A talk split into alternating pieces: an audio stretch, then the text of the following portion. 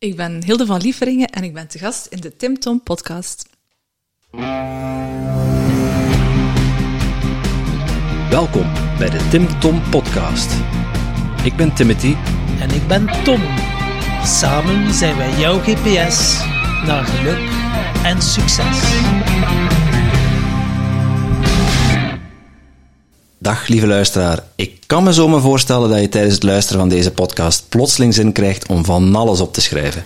Wat zou jij nu werkelijk willen met al die inspiratie en al die inspirerende gasten? Maar dat is nogthans helemaal niet nodig. Oeh, dat is niet nodig. Hé, hey, kan ik dat niet allemaal niet onthouden? Ze? En eh, wie gaat dat opschrijven voor mij? De kaboutertjes misschien? Nee, maar dat hebben wij al voor jou gedaan. Surf naar www.timtompodcast.com en daar vind je een blog boordevol tips en wijze inzichten van onze gast. En als je er dan toch bent, download dan meteen ons gratis e-book vol boekentips, luistertips en nog meer inspiratie voor jouw persoonlijke groei. Dag lieve luisteraars en welkom bij alweer een nieuwe route van de Tim Tom podcast. Ik kom niet, net niet aan mijn knoppen, Tom. Ja, jij, uh, we hadden, we hadden, vorige week hadden we iemand te gast van uh, uh, Festival in Watu. En ik denk dat je daar niks anders gedaan hebt dan mensen geronseld. Want vandaag hebben we weer iemand te gast van het Ja. festival. En het was er inspiratie ten top. Maar zijn, ik heb natuurlijk Ik heb enkel, enkel crème de la crème uh, uitgenodigd. En ja, nu zit er nog weer iemand, crème de la crème, de vrouwelijke tegenhanger. vol inspiratie. Het, ja, er was ook in de late namiddag. En normaal gezien gaat mijn energiepeil naar beneden in de namiddag. Maar nu was het omgekeerd. Het ging naar omhoog. En dat had alles te maken ook met de sprekers. En ja, wie dan we nu hebben, die is gewoon ja, taalvirtuoos. Die kan het zo mooi brengen. Een achtergrond in de politieke wetenschappen. Schrijft ook af en toe een keer een leuke brief naar onze o zo leuke politicus die het zo goed met ons voor hebben. Op een hele mooie, ludieke manier. De woordspelingen zijn fantastisch.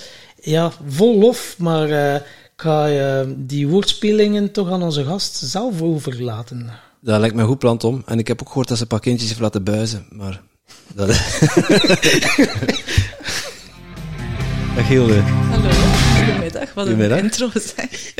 Ja, welkom, uh, welkom in onze podcast. Ja, merci. Uh, ja, allereerst, die kindjes kunnen dat waarschijnlijk... Uh, die hebben dat aan zichzelf te wijten, of als ze gebuist zijn, of... ah, maar ja, dat hoort bij de job, hè. Ik ben deeltijds docent aan een hogeschool.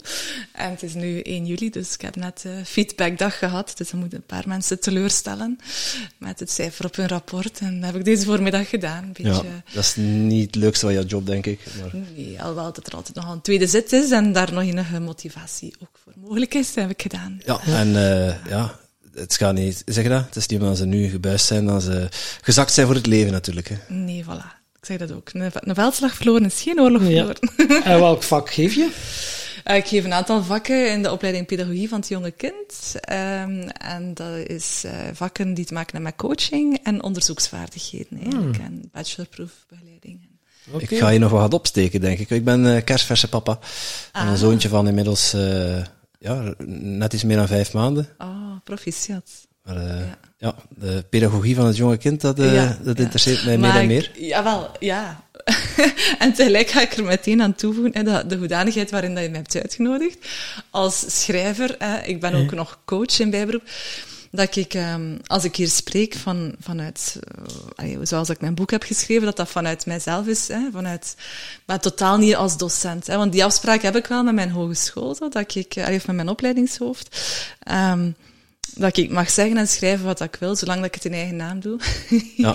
dus dan denk ik van ja, de route van, van het docent zijn is misschien niet per se die dat we hier vandaag moeten in de verf nee. zetten. Zo. Nee, nee, absoluut Omdat, niet. Uh, ja, nee. ik wil dat zo niet, niet mixen. Nee, we hadden het uh, nog met onze voorgast over, ja, dat uh, hij noemt het, uh, hoe noemde het hij? De, de saucissen... Wat was het nu weer?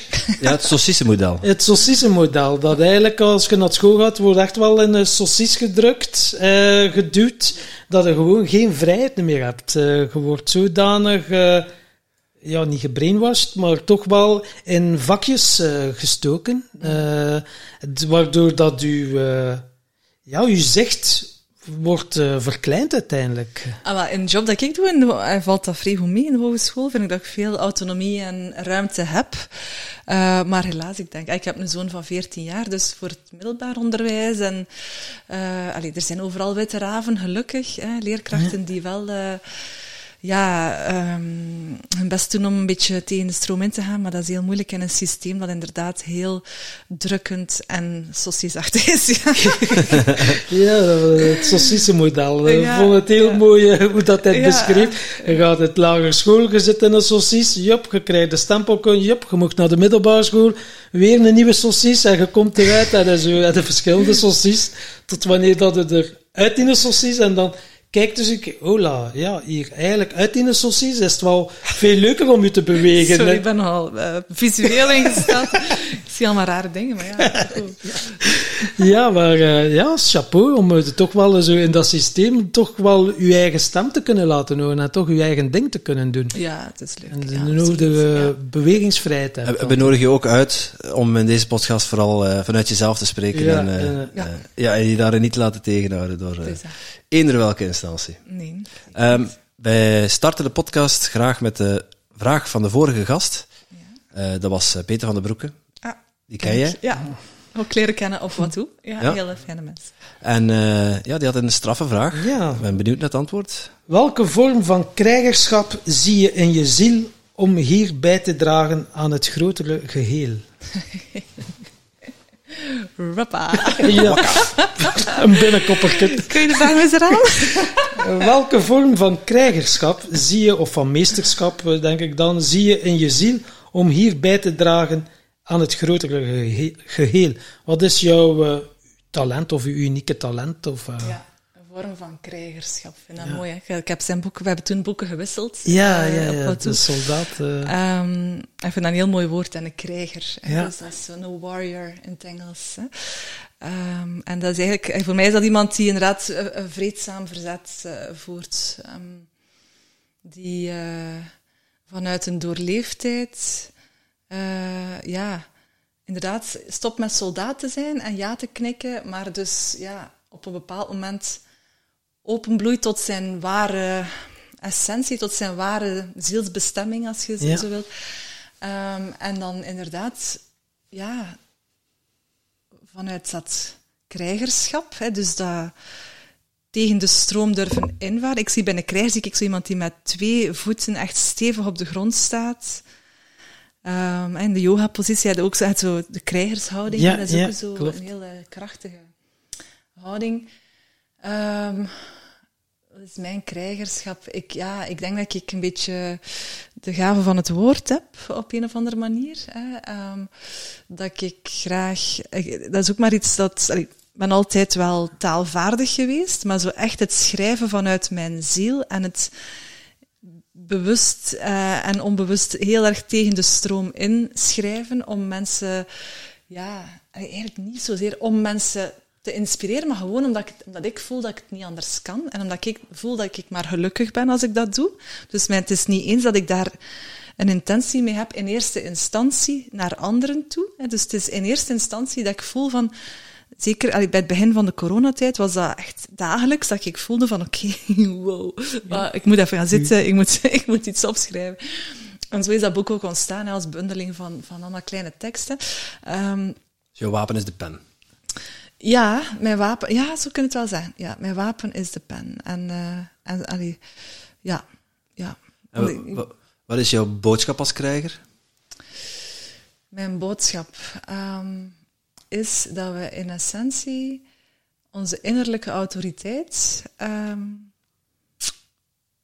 moeten leren kennen, mogen leren kennen, dat dat de bedoeling is van ons leven. Dat we, allee, we worden in een leven um, we komen in een leven terecht, we komen in een wereld terecht, ik ga het zo zeggen. Hè. We leven in mijn ogen permanent, hè, in verschillende cycli. Maar goed, we komen in, op een wereld terecht uh, die...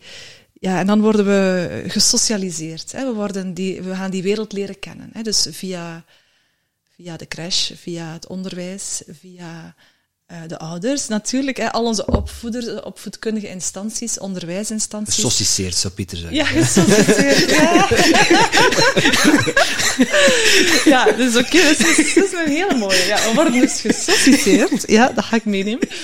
Um, Alle credits aan Peter van den Broeken, hè? Ja, ja, wel. En dan, maar dan, dan denken we dat dat, dat, dat uh, het leven is, dat dat de wereld is. Hè? Um, en dat, die wereld zit vol met autoriteiten, hè, met machtsinstanties. Onze wereld is hiërarchisch gestructureerd. Hè? Dus uh, we hebben een overheid waar we moeten naar luisteren, belasting naar betalen. We hebben onderwijs, je moet ook altijd luisteren naar de leerkracht. Je moet luisteren naar die, luisteren naar dat. Um, er zijn ook heel wat informele autoriteiten en media. Mensen kijken op naar bepaalde mediafiguren, luisteren, influencers en noem maar op. Er zijn heel wat externe autoriteiten waar mensen denken dat ze... Ah ja, nee, ze denken dat niet, ze, denken er niet bij na. Die worden gewoon gevolgd. Um, en op een bepaald moment in je leven, als je gewoon blind autoriteiten volgt, dan denk ik dat je op een punt kan komen uh, waar dat je voelt dat, dat, dat dat van binnen precies niet meer strookt met wat dat er van buitenuit wordt gevraagd.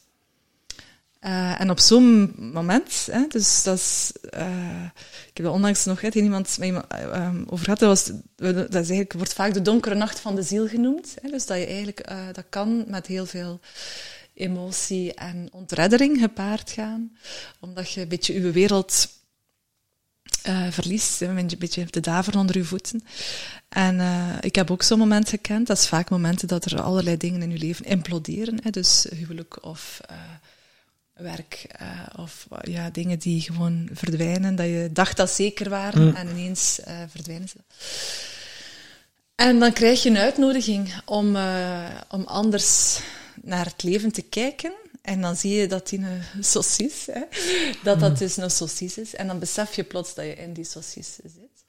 Um, en dus mijn boodschap met mijn pen, als ik er achteraf, hè, want dat is allemaal maar zo retrospectief, als ik nu dat eerste boek heb geschreven, dan denk ik, wat is daar nu de centrale boodschap in? Ah ja, oké, okay, dus de shift van externe autoriteit naar interne autoriteit. Dus dat we leren kennen wie dat we zelf zijn. En ik, het is mijn vurige overtuiging dat we hier allemaal zijn, uniek, met ons eigen talent, ons eigen talenten, ons eigen waardensysteem, ons eigen, um, ons eigen bijdrage aan het geheel. En als wij allemaal in ons eigen unieke zelf gaan staan, in dat eigen talent, ja, dan maak je jezelf super gelukkig, maar dan maak je ook de wereld het meest gelukkig. Dus dat is de bijdrage die ieder um, te leveren heeft. Of als we dat allemaal zouden leveren, dan is de wereld in zijn meest ideale vorm, volgens mij. Vanuit een soort gelijkwaardigheid. En de ene kan beter organiseren, en de ene kan beter schrijven, en de andere kan beter uh, koeken bakken, en weet ik ja. veel. dus ieder vanuit zijn eigen talent en plezier. En dan zit, zit echt in je pure joie de vivre, in je levensvreugde. En voelde van, oh ja, het leven stroomt ik, en alles gaat vanzelf. Maar in zo'n, in zo'n wereld zitten wij niet. Hè. Wij zitten in een wereld waarin dat we gedwongen worden om in een hokje te zitten, in een sausage te hangen. Ja. ja. Uh, aan zo, hè, ik zie echt zo'n een, een, een sliert worst te hangen zo, hè, bij, bij de slager. Dood vlees hè, ook nog eens. Maar goed, um, ja, dus dat... dat uh, um, uh, ja, die, die, we worden eigenlijk geconditioneerd om iemand te zijn die we niet zijn. Uh, en dat is bijzonder jammer, hè, want ik heb zelf allee, mijn, eigen, mijn eigen ouders, en, maar ook vele andere mensen, zie ik daar gewoon heel veel spijt op het einde van hun leven. Spijt uh, omdat ze niet leven hebben geleefd waar dat ze misschien toe in staat waren geweest, hadden ze meer lef gehad om uit dat harnas te breken. Nu, het zijn andere tijden nu. Vroeger, hè, in vroegere generaties was dat nog veel moeilijker mm. om daaruit te breken. Maar nu zijn het andere tijden en zie je collectief op dat vlak heel veel eh, in beweging, heel veel veranderen. En dat is denk ik waar jullie, hè, waar ik, waar vele andere mensen uh, mee op die golf zitten. En mee, ja, zodra dat je dat voor jezelf doet, hè, je moet eerst zelf zo'n periode door. Maar zodra dat je dat echt voor jezelf goed hebt doorleefd je begint dat zo echt in dat nieuw leven te stappen, dan doe je dat automatisch ook voor anderen. Op een of andere manier. Of dat je nu coacht, of dat je nu podcasts maakt, of dat je nu uh, festivals organiseert, wat dan ook. Um, en het is dat doorgeven. En dus mensen, want ik doe ook bijvoorbeeld loopbaancoaching. En dus um, mensen in contact brengen met wie dat ze zijn, hun talenten, uh, hun, hun, passies, wat dat hun blij maakt, um, hun waarden ook. En hoe meer dat je zelf leert kennen en hoe meer dat je daarin durft gaan staan, hoe meer dat je ook loskomt van wat wil in eerste instantie te, te luisteren naar wat wil de ander van mij? Wat wil de, ja, mijn werk van mij? Wat wil mijn, uh, wat wil de staat van mij? Als ze mij vragen om mij in te spuiten, bijvoorbeeld, maar iets dat ik niet wil. Uh, maar ja, ik heb schrik voor wat, dat, wat dat de anderen gaan zeggen. Ja, hoe, hoe erg is dat eigenlijk? Hè? Dus dat ja, ja, wat doet dat met je? Wat, wat triggert dat bij jou ja, allemaal? En, hoe, hoe, erg dat je je eigen uh, lichaam uh, en dus ook leven hè, moet offeren, voor, omdat, terwijl dat, dat je helemaal niet, niet achter staat om dat te doen. Hè? Dus om, om zo'n handeling uit te laten voeren, maar dus gewoon uit druk. Dus dat is heel erg, vind ik. Heel en dus, um, ja, hoe meer dat mensen in hun eigen uh, kracht staan en vanuit, loskomen van dat machtsdenken, maar in hun kracht gaan staan en van macht naar kracht. In het Engels is dat één woord, dat is power. Dat betekent macht en kracht. In Nederlands hebben wij daar zo twee woorden voor en dat is toch wel een nuanceverschil, belangrijk. Um, dus ja, dat is, uh, dat is een heel lang antwoord op uw vraag. Ja, maar eigenlijk... Uh, We houden van lange antwoorden trouwens. Hè? Sa dus, hou je niet in, hè? Samenvattend is eigenlijk, uh, je gaat mensen begeleiden in een ontwakingsproces. Wel, begeleiden, ja, ik doe inderdaad coaching, maar dat is minimaal. Ik maak zelfs... Allee, ik wil meer en meer ruimte vrijmaken voor het schrijven, omdat ik voel, ja, dat ik echt, allee, ik coach heel graag, ja, maar met mijn andere job nog ook aan de hogeschool wordt om duur al heel vol en het schrijven wil ik ook echt, het is iets dat ik voel, ik, ik heb nog veel, ik heb eigenlijk vier boeken in mijn hoofd zitten. Oké. Okay. ik moet gewoon eens echt veel tijd vinden om die eruit te schrijven. Um, en ik voel dat ik dat moet doen, of dat ik anders ook ongelukkig zou sterven. Ja, ja. Je, kan niet, je kan niet anders. Ja, nee. Ik waar komt die urge vandaan? Die, die ja, ander woord ken ik er even niet voor. Ja, die noodzaak. Ja. Um, dat is een goede vraag. Hè? Waar komt dat vandaan? Um, dat is daar ineens dat je voelt van. Allee, op Facebook ben ik nogal actief geweest de voorbije twee jaar. En op het moment dat je ziet, dus het is vooral in de coronatijd begonnen. Dus voordien, ik heb een opleiding als vertaler ooit gehad, uh, mijn eerste opleiding, maar dan heb ik daarna nog inderdaad politieke wetenschap gedaan. Dus ik heb nooit met die talen iets gedaan, maar ik was dat wel. Allee, ik heb wel zo'n zekere taalgevoeligheid en, um, maar nooit echt. Allee, schreef ik soms wel dagboekjes en dat soort dingen. Maar um, nooit... Allee, ja, dan, jawel, de laatste paar jaar was ik wel blogs aan het schrijven voor een opleidingsinstituut waar ik NLP doseerde en nog een aantal andere opleidingen. En dus die hadden mij gevraagd, wil jij een blog schrijven? En dat was altijd blogs rond persoonlijke ontwikkeling. Maar ik voelde zelf, ik vond dat leuk om te doen, maar ik voelde van ja, eh, er zit daar nog iets, er ontbreekt daar iets, het is nog wat te braaf voor mij. Uh, omdat ik ook, ik schreef zijn opdracht van. Het was nog altijd een beetje van, ik, ik doe het voor een ander. Hè. Waar heb je je NLP-opleiding gevolgd? Arcturus. Oké. Okay, ja. ja. Kessel. Dat kan ik iedereen aanbevelen, ja. trouwens. Um, maar uh, ja, um, dus uh, ja, de urge is dan, met, in coronatijd zie je dan, dan ontstaat er iets, dan komt er like, zo een soort van zeil over de samenleving, ik kan het niet anders zeggen. Dat je voelt van, wat, wat is dat hier? Mensen durven ineens niet meer spreken, mensen zijn doodsbang om voor een mening uit te komen. We, we, leefden hier toch, dacht ik, in het Vrije Westen, hè, in, in, waar dat vrije meningsuiting belangrijk was, dacht ik. Uh, waar dat, mensen opkomen voor hun rechten op straat, allerlei bevolkingsgroepen. Maar ineens, um, ineens is dat, gebeurt er iets raars. Ineens uh, ja, um, mag je niet meer zeggen dat je het niet eens bent met beleid dat gevoerd wordt in naam van een beleid dat gevoerd wordt in naam van een zogenaamde noodzaak. Hè? Dus uh, dat is ook iets dat ferm in vraag te stellen was. Want allee, als je keek... ze noemden dat de volksgezondheid. De volksgezondheid, ja. ja um, een, een, een, um, ja, noemen ze dat? Uh, noodzakelijke toestand. Want ik heb inderdaad correspondentie gehad met Alexander de Croo daarover. En uh, hij zei, het is uit noodzaak. En ik, ik, neem die maatregelen niet graag. Maar ik zei, ja, en de experten zeggen dit en dat. Ik zeg, ja, maar er zijn zoveel andere experten die iets anders zeggen. Maar die worden niet gehoord op televisie, die worden gecensureerd op sociale media, die verliezen hun job, hè, zo zijn er ook. Uh, die worden belachelijk gemaakt. Dus, en dan wat zeg je? Ja, of bedreigd. Of bedreigd, ja. inderdaad. Uh, ja, of inderdaad, of erger nog. Um, Dus uh, er is... Uh, er wordt gedaan alsof dat, dat een, een eenheidsworst is. Hè, om nog even in de worstensfeer te blijven. Ik heb het gevoel dat het thema van de, van de dag. Maar uh, ja, uh, dat is niet zo. Er is enorm veel diversiteit. Maar je merkt ook, hè, ook artsen die niet durven spreken. Uh, professoren die niet durven spreken. Dan denk je, wat is hier aan de hand? Wat is hier aan de hand? En dan voel, voelde ik van bij het begin van, oké, okay, als iedereen zwijgt, dan ga ik spreken dat is de urge eigenlijk. Van, dat ik voelde van, ja, ik voel die angst niet. Ik heb inderdaad ook mijn eigen processen doorgemaakt, waardoor ik nu zo, vanuit een zekere onbevreesdheid naar dat soort autoriteiten spreek. En uh, je hebt je eigen proces doorgemaakt. Hoe lang heeft dat proces bij jou geduurd? Wanneer is bij jou het keerpunt gekomen? Uh, ja, um, als we daar gaan. Uh, ja, zeg maar een goede tien jaar geleden. Uh, okay. Dan, um, dat was zo'n beetje... Ja, hoe moet ik dat uitleggen? Um, dus dat kwam er van alles samen, hè, zowel privé. Hè, dus ik ben toen gescheiden en mijn man heeft, is, is toen weggegaan. We hadden een, een kindje van toen nog maar drie jaar en een half. Hè, dus dat was wel heel heftig, heel pijnlijk.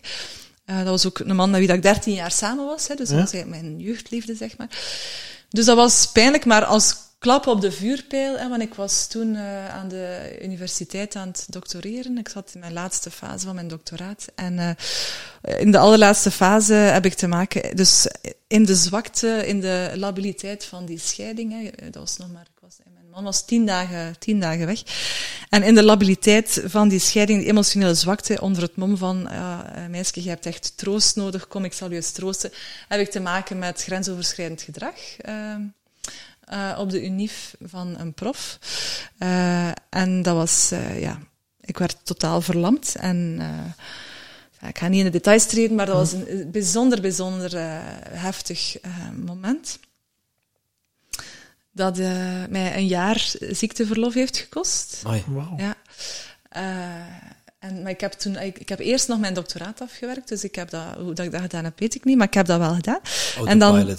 daarna, ja, inderdaad. Uh, en daarna ben ik dan wel echt uh, gecrashed. gecrashed. En dan, maar in dat jaar was ik dan toch, wel, ik heb mij goed laten begeleiden. Ik heb toen inderdaad mezelf, ben ook vier maanden echt gewoon heel bang geweest. Hè, dus ik heb heel veel angst ook kunnen toelaten.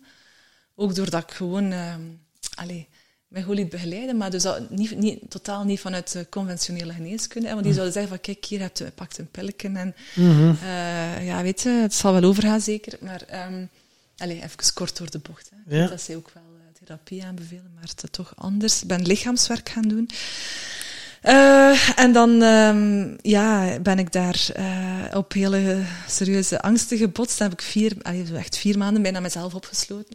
Okay. en uh, is dat een bepaalde dag dat ik op de, ja, in de lente was dat toen, op de grond lag in mijn nof, op, echt op, op, de, op het gras, op de aarde. En ja, ik, ik voelde gewoon van, ik, ik, moet, ik wil gaan zitten. Ik, ik werd naar de aarde getrokken, ik wil gaan liggen. Ik ben dan gaan liggen. Ik heb letterlijk zo naar, naar de lucht zitten staren. En ik heb daar vier uur gelegen. En ik had dat niet door. En nogthans was het niet van, oh, ik ga hier nu eens blijven liggen. Ik ga van het zonnetje genieten. Nee. Um, ik werd letterlijk... Allee, ik voelde die zwaartekracht enorm. En dat heeft mij geaard toen. Hè? Want als je angstig bent, dan zweef je eigenlijk. Hè? Dan zweef je in je hoofd. Dan zweef, allee, hè? Van tussen het een oor en het ander. Hè? Dat is ja. zo constant pingpong, pingpong, angstige gedachten en zo. Um, zweven, ik zou eerder zeggen wankelen. Wankelen, ja, hè, ja, ja. Zo, maar je staat niet met je voeten op de grond. Nee. Hè, dus, en, en dat vier uur lang echt op de, in mijn tuin liggen en niet recht geraken, ook geen behoefte voelen om recht te staan. Tot op het moment dat ik voelde van oké, okay, ik ga recht. En daarna ben ik nooit meer, heb ik nooit meer die angst gevoeld. Dus dat was weg. Dat was precies dat ik dat afgegeven had aan, aan de grond. Dus dat was een heel bizarre ervaring. Wow. Maar er, ging lichaamswerk aan vooraf? Ja, ja, ja. ja en, en, kun je ons meenemen wat je, wat, je, wat je ongeveer gedaan hebt? Ja, dat was emotioneel lichaamswerk, werd dat genoemd. Hè. Dus uh, dat is uh, ja, echt in de emotie gaan. Uh, ja, in al, allerlei emoties oproepen. Hè. Dus echt woede oproepen, angst ook oproepen. Maar daar ben ik dus een beetje doorgeschoten, omdat, ik, ja, omdat er zoveel in mij zat. Angst, hè. dus dat ik het gewoon niet meester kon um, om het uh, te verteren. En uh, ja, wat heb je nog? Um, verdriet hè, ook. eh, dus de vier basisemoties, hè, bang, blij, eh, boos eh, en eh bedroefd. bedroefd hè, ja, dus. Ehm, en ja, dat heb ik twee jaar vrij intensief gedaan. Dat lichaamswerk en ook ademwerk. En dus daardoor natuurlijk voor iemand die tien jaar in zijn kop had gezien, allee, langer al, niet al dertig jaar in zijn kop had Ja. gezien. Want ik werkte, ik werkte als, dus als academica aan de Unie. In totaal heb ik daar tien jaar gewerkt, maar toen op dat moment was dat zeven jaar. En, eh, maar ja, goed, constant uw ratio aan het ontwikkelen. Dus ja, lichaamswerk gaan doen, dat was wel wat voor mij, ja. Want dat was totaal onbekend terrein. Dus, maar ik, ik had wel zoiets van, eh, mijn man was weg, mijn kindje was ineens in co-ouderschap. Mijn werk, dat ik altijd als een houvast had beschouwd en waar dat er ook mooie toekomstperspectieven voor mij lagen op Het is gewoon zich een onveilige plek geworden. was een Ja. zeer onveilige plek, plek geworden. Ehm, en dus alles was eigenlijk weg. Moest, allee, bedoel, en dan stond met je rug tegen de muur. En ja, dan, dan, dan daarom dat ik ook... Ja, ineens worden dan zo wat geleid, hè. Want allee, je voelt van, oké, ik word hier gestuurd, ik ga hier dingen opzoeken. Dat, allee, ik besef dat niet bewust, ik word gestuurd. Maar achteraf, hè, van een boek die je wordt aangereikt, eh, eh, een cursus dat je gaat volgen. Ehm, in die cursus ontmoeten dan weer iemand anders, of dat, enzovoort. Dus dat wordt zo hè, een domino-effect ehm, van, eh, van allemaal dingen die, die zeer nuttig en, en waardevol zijn geweest en die een heel nieuwe wereld voor mij hebben geopend. Eh, ook NLP is eh, zeer, eh, bij Arcturus zeer eh, invloedrijk geweest daarin. En zo allee, ga je jezelf, en vooral dan via NLP, hè, dus dat anders gaan denken. Hè, dus jezelf gaan, eh, ja, je conditioneringen onder ogen zien. eh je obstakels, hè, waardoor dat je ook verantwoordelijkheid gaat nemen voor je eigen leven. En dus uit die ja, vingerwijzing naar buiten stappen, eh, maar, en echt kijken van oké, hoe is dat kunnen gebeuren? Ah, hoe, welke patronen heb ik in mij, waardoor dat, dat allee, zonder dat alles goed praat, want je allee, blijft nog altijd eh, rechtvaardigheid eh, voelen en weten van dit is zo fout en dit is zo onrechtvaardig, hè, maar je, je, je neemt een stuk eigen verantwoordelijkheid, maar ja, dat, dat is een heel proces, hè, pas op, dat is echt een heel proces. Ehm, want je mocht ook echt in het begin, allee, moet echt ook in dat slachtoffer gaan staan. Hè. Je mocht daar niet te rap over. Ehm, maar eh, ja, ehm, dus op die manier ja, ben ik gaandeweg mijzelf gaan eh, resetten, noem ik dat dan, en gaan herconditioneren. Eh, ben ik allemaal andere mensen gaan beginnen ontmoeten. Mijn, ja, mijn, mijn, mijn kring, mijn sociale kring veranderde. Hè, want met, ah ja, als, ik, als ik gescheiden was, ik had uh, een man, ik zeg het, ik was er 13 jaar mee samen, heel onze jeugd eigenlijk, onze, alleen vanaf mijn negentiende.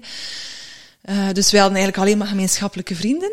Hè, dus die vallen dan ineens zo, allee, weten die ook niet goed wat kant te kiezen en dat wordt dan ook zo moeilijk. Dus dat is, ja, eigenlijk ook heel die vriendenkring is, is veranderd allemaal. En dan ben ik allemaal mensen beginnen ook ontmoeten die allemaal ook op een pad zaten naar verandering, naar uh, ontwikkeling, zichzelf zoeken. Hè, want daarover gaat het uiteindelijk. Hè. Je voelt van, ik ben hier al die tijd gewoon een popje geweest. Dat, allee, ik heb ik wel, ja, uh, dingen gedaan waar ik goed in was, maar niet per se uh, vanuit mijn hart of vanuit mijn ziel. Of ik deed gewoon waar dat, waar dat, waar dat ik tot nu toe, ja, onbe, allee, gewoon, ja. ja, alles, ik geloof wel dat alles zo moest zijn. Um, dus, maar je maakt geen bewuste keuzes. Een beetje aanpassen aan, uh, ja, en dan is er zo een beetje het angst om de verbinding te verliezen met een ander. Gaat u zo ja. aanpassen, ja. maar daardoor verlies je de verbinding met jezelf. Zeker. En binnen die structuur van de universiteit ook, hè, vandaar ook, allee, in mijn boek ver, ver, vergelijk ik ook vaak universiteiten met, um, met de kerk, uh, omdat dat een nieuwe religie is. Hè, dus dat is eigenlijk, uh, de, wordt zoveel status aan toegedicht. Hè, dus de, de, professoren zijn de nieuwe pastoors. Hè, dus als zij preken, dan luistert het volk. Hè. Um, ja, er is zoveel statusgehechtheid ook in een universiteit. Hè, dus zij voelen zich ook oppermachtig. Zij zijn ook de enigen die hè, diploma's mogen uitreiken. Um, allee, de, de, de, hoogste diploma's, zeg maar. Hè. Uh, dus daar zit heel veel um, ego en um, machtsconcentratie. En als ik, dus in dat jaar dat ik ben thuis geweest, heb ik dus, uh, ben ik gaandeweg uit die angst gekropen en ben ik wel gaan spreken binnen de universiteit, in de eerste vertrouwenspersoon preventieadviseur, extern. En dan tot en met ehm, ja, de rector toe. Uh, en decanen. Hij heeft alle verschillende lagen doorlopen. En uh, ja, om een lang verhaal kort te maken, uh, dan zie je wat dat die macht werkelijk inhoudt, hoe dat, dat in elkaar zit en hoe dat de, deuren, de rangen van de macht zich sluiten. Ja, want je werd er geen beter mens van, van op al die deuren te gaan kloppen. Ah, nee, maar ik werd ook niet geloofd. Niet Ah, gehoord. dat bedoel ik, ja. Ja. Ik, werd, uh, uit, ik werd ook nog gekleineerd. Uh, ik werd, het werd in mijn schoenen geschoven. Uh, het werd helemaal omgekeerd. dus dan, dan zag je van... En nogthans, mijn eerste gesprek niet. Hè, dus, maar na, nadat ze dan de betrokken prof hadden gesproken, ineens wel. Dus dat is, dan zag je van, hier zijn machtsdynamieken aan de gang geweest waar ik geen zicht op heb. Maar die je wel kunt aanvoelen natuurlijk. En... Um, dus ik mocht eigenlijk binnen de universiteit blijven. Hè. Dus ze gingen mij op een andere dienst steken. Ze gingen mij, ja, uh, van die prof weghalen. Maar ik heb letterlijk tegen de rector gezegd, ik wil met jouw rotte instelling niks meer te maken hebben. Ja. Dus ik ben weggegaan en uh, voilà, toen was ik werkloos. Want dat waren altijd korte contracten. Dan was ik werkloos en dan ben ik drie maanden werkloos geweest. Dan ben ik uh, zo'n ondernemerstraject begonnen. Uh, om, ik dacht, ik wil nooit nog voor een baas werken. Wat ga ik dan doen? En dan, ik was al allerlei opleidingen persoonlijke ontwikkeling aan het volgen. Dus ik ben dan stapje per stapje ja, eerst ook lachyoga gaan geven. Dat was ook iets dat op mijn pad kwam, want in die, ik zat met heel veel woede. Dus dat was, via dat lichaamswerk was een van de dingen dat we ook deden. was zo lachen zonder reden. Dat was dan om de vreugde op te wekken. Mm. Uh, en ik voelde van, oh ja, dat werkt. Dat is heel raar, maar dat werkt. Hè. Dus, en ik had, daar, ik had dat zelf nodig. Dus dat was even zo, uh, als je echt zo een lachsessie doet, dan was dat een uur lang ja, lachen. En dan, dan, maar dan ja, breng je jezelf in een andere energie. En omdat ik met zoveel kwaadheid zat naar die universiteit en omwille van al dat onrecht dat ik voelde en, en ja, mijn scheiding dan ook nog. En ook al die scheiding, hè, dat was eigenlijk van in het begin al vrij snel was dat geen vechtscheiding. Hè. Dus dat was op zich, dat was wel uh, goed. Allee, goed in de zin van dat ik van ja, op zich, uh, je ziet daar wel op een bepaald moment de, de, de goede kant van in. Omdat dat, uh, ja, op, op was. Um, maar, um, ja, wat ik nu zeggen? Um, even mijn draad kwijt. Ja, je had het over je, over je angst, je was bezig over lachtherapie. Ja, dat je dat nodig had. Ja, wel, dat ik met zoveel woede zat. En om dat dan zo wat in balans te brengen, merkte ik van dat lachen helpt, op puur emotioneel vlak. Want dat was toen mijn laag waarop ik uh, functioneerde. Hè. Dus van de ratio naar de emotie. Ondertussen zit ik op beetje meer op de spirituele laag nog. Hè, maar toen was het vooral de emotie uh, in balans brengen. Dus veel woede, oké, okay, we gaan daar veel lach tegenover zetten. En ik merkte van, ah ja, uh, ik ben zo'n opleiding gaan volgen om dat te geven. En dat, dat is eigenlijk, ik amuseerde mij ook om dat te doen. Dat was leuk, dat haalde mij uit mijn eigen frustraties ook. En ben dan in bedrijven, uh, dacht oké, okay, dan ga ik dat ook doen. Als zelfstandige in bedrijven teambuildings, lachyoga gaan geven. Um, Naast dan gaandeweg mijn coachingpraktijk opbouwen, de loopbaancoaching en trainingen ook geven in NLP en in andere dingen. Um, en zo ben ik zo een paar jaar, vier jaar denk ik uh, in totaal, zelfstandig geweest in hoofdberoep. Maar dat, dat, dat was ook dat was op een bepaald moment een beetje te eenzaam, vond ik. Dat ik zo het gevoel had van, ja, allee, mis precies toch wel een team. En zo ben ik dan uiteindelijk toch gaan solliciteren voor de hogeschool, waar ik nu bij heel graag werk. En dat Geen unief meer. Geen unief meer? Nee, want dat is, een, dat is ook hoger onderwijs, maar een totaal andere cultuur. Totaal anders. Okay. Ja, totaal anders. Het is ook de, een, allee, het team waarin ik zit, denk ik, maar, en de leidinggevenden die we hebben, die daar een grote rol in spelen. Um, maar het is totaal anders. Nee. Ja, ja ze zeggen, ik hoorde jou zeggen, het spirituele, dus uh, alles wat dat je hebt meegemaakt, het heeft allemaal zijn reden gehad. Het zijn wel de lessen die je nodig had om ja. nu de persoon te zijn. Soms, ja, als je dat met je mind probeert te snappen, dan kun je nee. niet zo van hey, die aantastelijkheden of wat er ook is gebeurd. Als je dat probeert te snappen, ah ja, dat is een les die ik nodig had, ja, dan, dan heb je zoiets van, hé, hey, dat, dat, dat kun je niet bevatten, maar toch. Nee. Wel, op spiritueel niveau is dat inderdaad, zie je dat dat, dat, dat, dat zo moest zijn. Op het emotioneel ja. niveau moet je daar vrij voorzichtig mee zijn, ja. maar mo daar moet je dat echt wel, echt wel serieus nemen. Dat dat pijn, die pijn moeten serieus Ja. nemen. We moeten geen spiritual bypassing Nee. doen, want anders wer- werkt het absoluut niet. Ehm, maar in de emotie blijven hangen werkt ook niet. Hè? Dus eh, vandaar inderdaad, op een bepaald moment ga je ehm, die, eh, ja, die spiritualiteit, en dat- is dan, ja, dat, dat, dat bedoel ik gewoon mee van het grotere geheel zien. Hè? Ja. Dat is eigenlijk gewoon zien van, oké, wat hoe, hoe past die puzzel hier? Hè? Dus hoe moest alles, eh, hoe past alles in elkaar? En dan zie je, hè, als ik van, van nu, hè, de tijd dat we nu zijn, kijk en mijn boek en hoe dat ik ehm, eh, ja, nu naar de wereld kijk, dan, dan eh, zie ik dat die universiteiten, hè, dus die de nieuwe kerken zijn, dat er daar heel... Dus als je ziet de, de dwang, hè, dat kan het niet anders noemen als dwang, die in coronatijd vanuit de, de, de wetenschap, zo gezegd, hè, vanuit de, de zogenaamde ene eenheidsworstige Ja. wetenschap. Ehm, mensen dachten, ah ja, maar ik zag zwangere vrouwen zich laten inspuiten, omdat, ja, maar ja, mijn dokter zegt dat ik dat moet doen, dus ja, ben ik geen dokter, hè? Ja. Ben ik geen wetenschapper? hè? Zij zullen het wel weten, zeker. En dan denk ik, wow, oké. En dan denk ik, ja, ik heb daar ook ooit gezeten, op dat punt van, zij zullen het wel weten. En inderdaad, Ja. heel sceptisch staan naar alles wat niet wetenschappelijk is. Maar door de shift die ik heb gemaakt, ben ik daar nu zo ver vanaf, omdat ik weet van, ja, zij weten inderdaad eh, veel als, er- als de wetenschap eerlijk wordt bedreven. Dat is één. En twee, zij weten ook niet alles. Zij kunnen onmogelijk alles weten. Dus je moet altijd eh, de, de, de aftoetsing maken met je eigen lichaam, met je eigen gevoel. En dat is wat heel veel mensen niet hebben gedaan. En met alle gevolgen van dien. hè. Dus, ehm, en, eh, en nog altijd niet. Ai, Dus ja, dat, er is heel wat vaccinatieschade hè, die ik nu zie. In, alleen, ook niet alleen nu. Mijn eigen broer bijvoorbeeld heeft een hartinfarct gekregen meteen na zijn tweede vaccinatie. Oké. Dus, eh, en dat werd door de cardioloog daaraan gelinkt. Ehm, maar Maar ook toch wel. Er werd niet eh, gezegd van, ah nee, maar dat heeft een andere oorzaak. Nee, bij hem niet, maar hij wel off the record. Hè? Dus natuurlijk Ja, ja, tussen de regeltjes. Hè? Maar eh, hij, zegt zie- hij zei letterlijk van ik zie iets te veel van dit, soort gevallen bij jonge mensen. En mijn broer was 45 jaar. Om En verder kerngezond. Verder kerngezond, ja. Dus eh eh, hij nooit hartproblemen gehad of, zo, of iets dergelijks. En na zijn eerste spuit voelde hij al druk op de borst en zweten en, en, en koorts tot en met. Maar dan ook gelovig als hij was in de wetenschap. Ja, ik ga dat volgend pakken, het overgaan.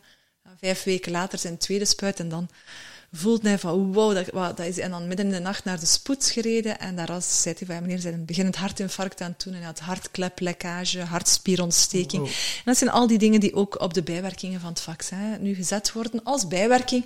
Maar ai, moet ik de soep en, eh, het sop en de kool naast elkaar zetten? Wat een, wat een waanzin dat dat is. Zulke letsels. Hè. En er zijn zoveel mensen die het niet meer kunnen navertellen. Mijn broer was er nog net op tijd bij. Maar... En nog heel wat andere dingen. Hè. Dus allee, eh, die andere eh, kwalen, klein en groot, die, die, die nu niet mogen eh, aan het vaccin gelinkt worden. Nu, het is niet aan mij om dat daaraan te linken, want ik ben geen medisch wetenschapper, dus ik ga dat ook niet, niet te veel doen. Maar wat ik wel zie, is dat er... Als, ehm, als politicoloog heb ik ook altijd naar machtsdynamieken gekeken, maar ook vanuit mijn eigen ervaring. En zodra dat je merkt dat bepaalde dingen niet mogen gezegd worden, dan zou er al een belletje moeten rinkelen. Ja. Dan zou het, eh, de saucis al rond de nek moeten, Ja. moeten strappen. Ja.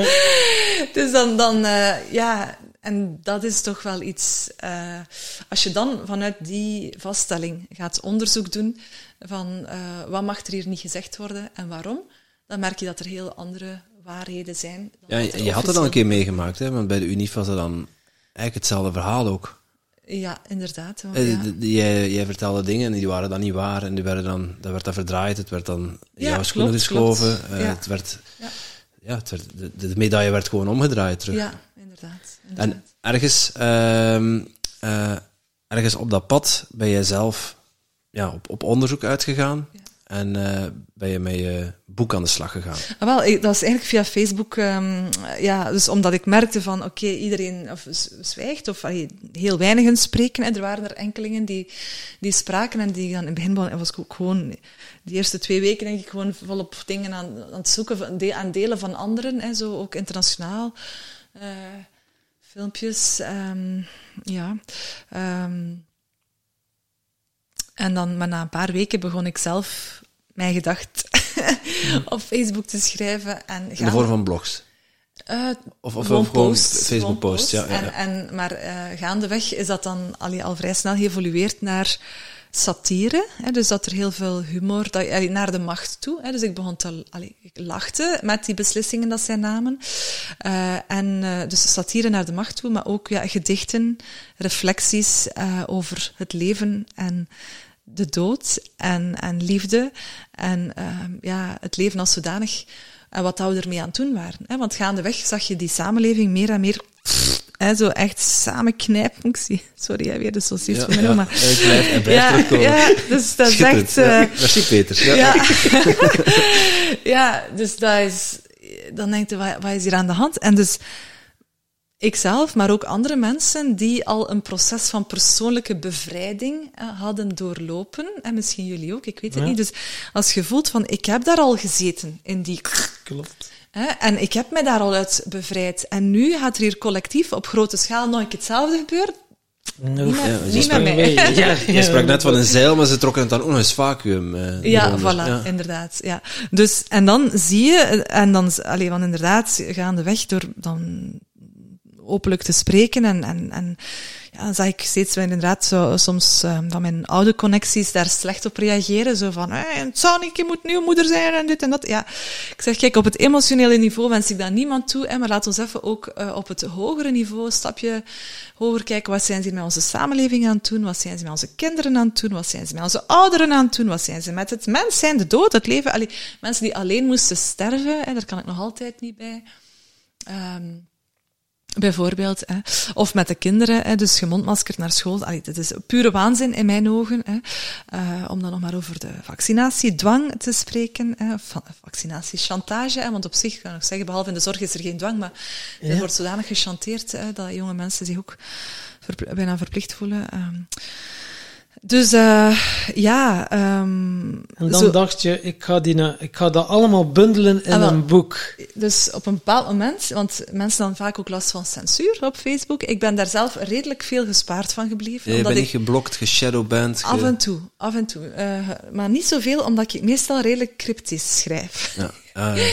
Schrijf zo wat metaforisch soms. Gedichtjes, ja. Gedichten, metaforen. Hè. Ik vergelijk soms op een bepaald moment keer macht hè, met het monster van Loch Ness. Hè. Geloof het niet als je het niet gezien hebt. Uh, dus, uh, dus er zijn heel wat ja, metaforen of, of uh, ja, zo, ik ga zelden of nooit Met keihard... de twee voeten vooruit. Uh, nee, ja. nee, want dat, dat is ook geen schrijfstijl dat bij mij past. Ik, ik denk, uh, ja, zo zalvend slaan. Ja, ja, ja, want het is wel scherp wat ik schrijf, ja, ja. maar het is wel... Uh, Liefdevol rebelleren. Ja, dat is de krijger dan, ja, denk ik. Ja. Hè? Dus de, niet zo de, so, de, de scherpschutter, hè, maar wel zo uh, de krijger die, die het zo... En ik denk ook dat ik op die manier een breder publiek bereik. Want ik merk zelf, als mensen soms vanuit... Het is ook vanuit waar, welke emotie of welke intentie ja, ja, dat je iets schrijft. En als iets vanuit te veel agressie is geschreven, dan lees ik meestal zelf ook niet verder. Er zit ook een bepaalde... Uh, zeg je dat? Uh, je geeft een bepaalde connotatie mee en je blijft dan, zoals Peter het noemt, soldaat. Ja, je, blijft, waar, ja. je blijft daar een bepaalde boosheid uiten, ja. terwijl je wil verbinden. Je houdt de strijd in stand. En ja, well, ja zolang als jij niet strijdt, ja, dan, dan, dan is het over, het gevecht. het is dat, want allee, op zich uh, en dat is dan weer het spiritueel niveau, de, het grotere plaatje. Zelfs die, die machthebbers die ons, uh, uh, ja, op op, vanuit emotioneel niveau, vanuit mijn moederrol, hè, zou ik ze kunnen door. Oh. De saucissen draaien. Ja, in de bloedworst, echt, hè, echt in de zwartste bloedworst. Ja, ik klus dat echt niet. Ja, er lopen er wel rond in de politiek met een pangs. Ja. ja. Oh, oh, de niveau. ja, er valt wat vet in te draaien. Dat is inderdaad wel zo. Ja, oké. Okay, maar dus inderdaad, um, als je puur op dat emotionele niveau, dan, dan zijn dat razend. Hè? En, en, er zijn een aantal, maar niet veel, echt een minimale minderheid is vanuit woede en verontwaardiging geschreven. Ja. En dat is ook nodig, denk ik. Hè? Dus ik heb dat letterlijk in mijn boek, verontwaardiging. Als het leven wordt ontwaard, hè, dan is het belangrijk dat wij verontwaardigd zijn. Hè? Dus ze, ze nemen de waarde van het leven af, dus het is belangrijk dat we, dat we ook wel die woede gaan uit, maar het is ook belangrijk dat we er niet in blijven hangen. Hm. Want uh, als je in die woede blijft hangen, dan draag je ook zelf woede uit. Hè? En dus dat, is, als je, dat, dat gaat de wereld niet Dan versterkt niet het het en dan blijft ja. in die dualiteit ook terug. Ja. terwijl inderdaad op een hoger niveau kun je zien, hè, en dat, dat lukt in een moment wel, een ander moment niet, dat iedereen hier zijn rol speelt. Hè. Dus ook die, die uh, vermalendijde machthebbertjes. Uh, en daarom vandaar, als ik mijn woede een stapje verder neem, dan kom ik in de satire terecht en dan lach ik daarmee en dan lach ik ze eigenlijk gewoon uit. Um, door zo ja, een spiegel voor te houden um, en de absurditeit van hun beleid uh, bloot te leggen. Uh, en dan, ja, dat heeft gewoon veel meer effect. Hè, want dat, dat is ook, in die twee jaar, waar waren de komieken? Hè? Waar waren de, de humoristen? Die waren er niet. Monddood gemaakt, hè? Ah ja, maar mee in het systeem, denk ik. Ja. Uh, monddood gemaakt, maar ik denk dat ze het ook letterlijk niet zagen, de humor. Nee. Ik denk dat ze ook echt mee waren. Ze mochten niet, de podia waren dicht. Nee, maar uh, ik denk waar een wil is, is een weg. Als je, ja. Zoals dat je in Nederland Artische Boy J hebt, die ook wel uh, online wel, en die ook echt een heel duidelijke stem heeft laten horen, maar in Vlaanderen, nee. ik weet niet, heb ik die op, op dat vlak niet gehoord. Dus uh, ja, dus allee, het waren heel veel hiaten, zo, en ik ben daar nooit bewust in gaan springen, maar allee, dat, dat, zit gewoon, dat zijn facetten van mij die nu pas naar boven komen, omdat ik, ja, inderdaad, een laadbloeier ben op dat vlak omdat ik eerst een bepaald traject van mijn leven ja. moest doorleven om nu deze rol te kunnen spelen. Denk ik. En ja, je hebt dan ook uh, een titel gekozen. Uh, ja, ja, in het begin was het, wacht, hè, de homo sanitarians in de perversiteit met tijd gewoon T-I-J-D. Ja. en weet je nu wat je gezegd hebt? Uh, nee. Sanitariërs uh, in, de per, in de perversiteit. Je hebt het, ik ben het, het is mij wel ontgaan wat dat het, maar het, was een hele mooie uitleg. Uh, je hebt hem uh, fantastisch mooi gegeven, maar het is mij wel ontgaan. Uh, ja. Hij probeert het mij uit te leggen, ik zeg er nooit Hilde gewoon uit, dan kan zij het uitleggen. Ja, ik snap er niets van, Tom. Een mond vol, hè. Ik weet het. Er staan nog wel wat nieuwe woorden in het boek, hè. Dat is omdat, ja Weet je, um, taal is een krachtig wapen. Hè? Dus uh, de pen is een zwaard en taal is op zich het wapen dat je op verschillende manieren kunt inzetten. Hè? Door, te spreken, door te schrijven.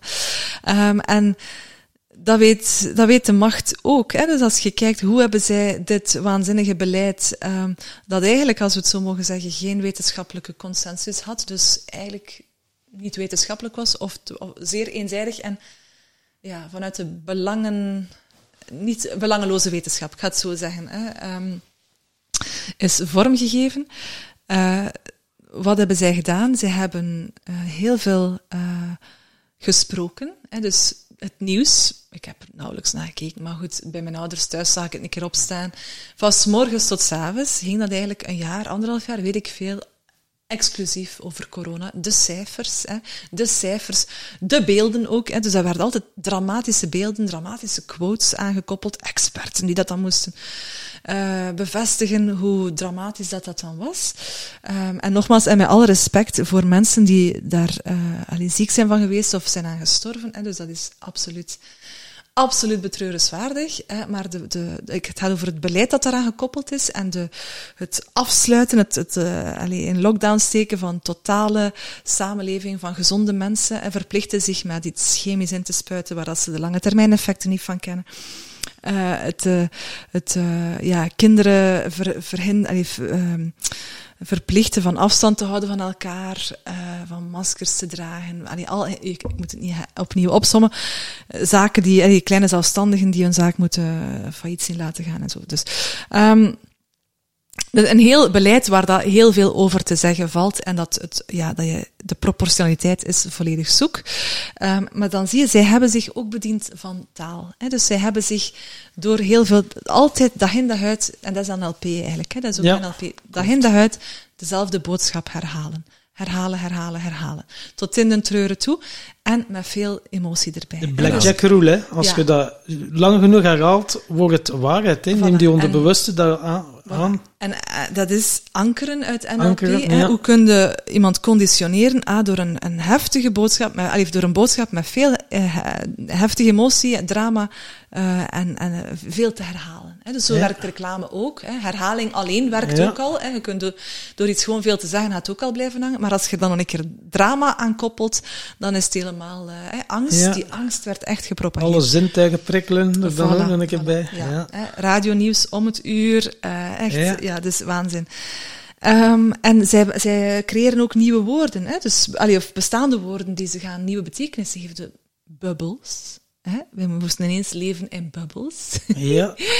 Eh, afstandsregels, hè, eh, contacten. En je mocht ineens een knuffelcontact. En mensen beginnen dat ineens normale woorden te vinden. Denk wel, what the fuck, echt waar? Nou, als het nog niet erg genoeg was, hadden we het nog het nieuwe normaal. Het nieuwe normaal, Ja, verschrikkelijk. Ja, als dat het nieuwe normaal was. Hè. Ehm, want nu lijkt het zo alsof we eruit zijn, hè, maar we weten niet. Hè, of waar dat, dat, als je ziet waar dat, hoe, hoe rap dat, dat ging, dat mensen zich daaraan aanpasten, dan dat was dat een beetje chockerend eigenlijk. En dus dan, we zullen zien hè, waartoe het leidt en, en eh, hoe dat, dat terug gaat evolueren.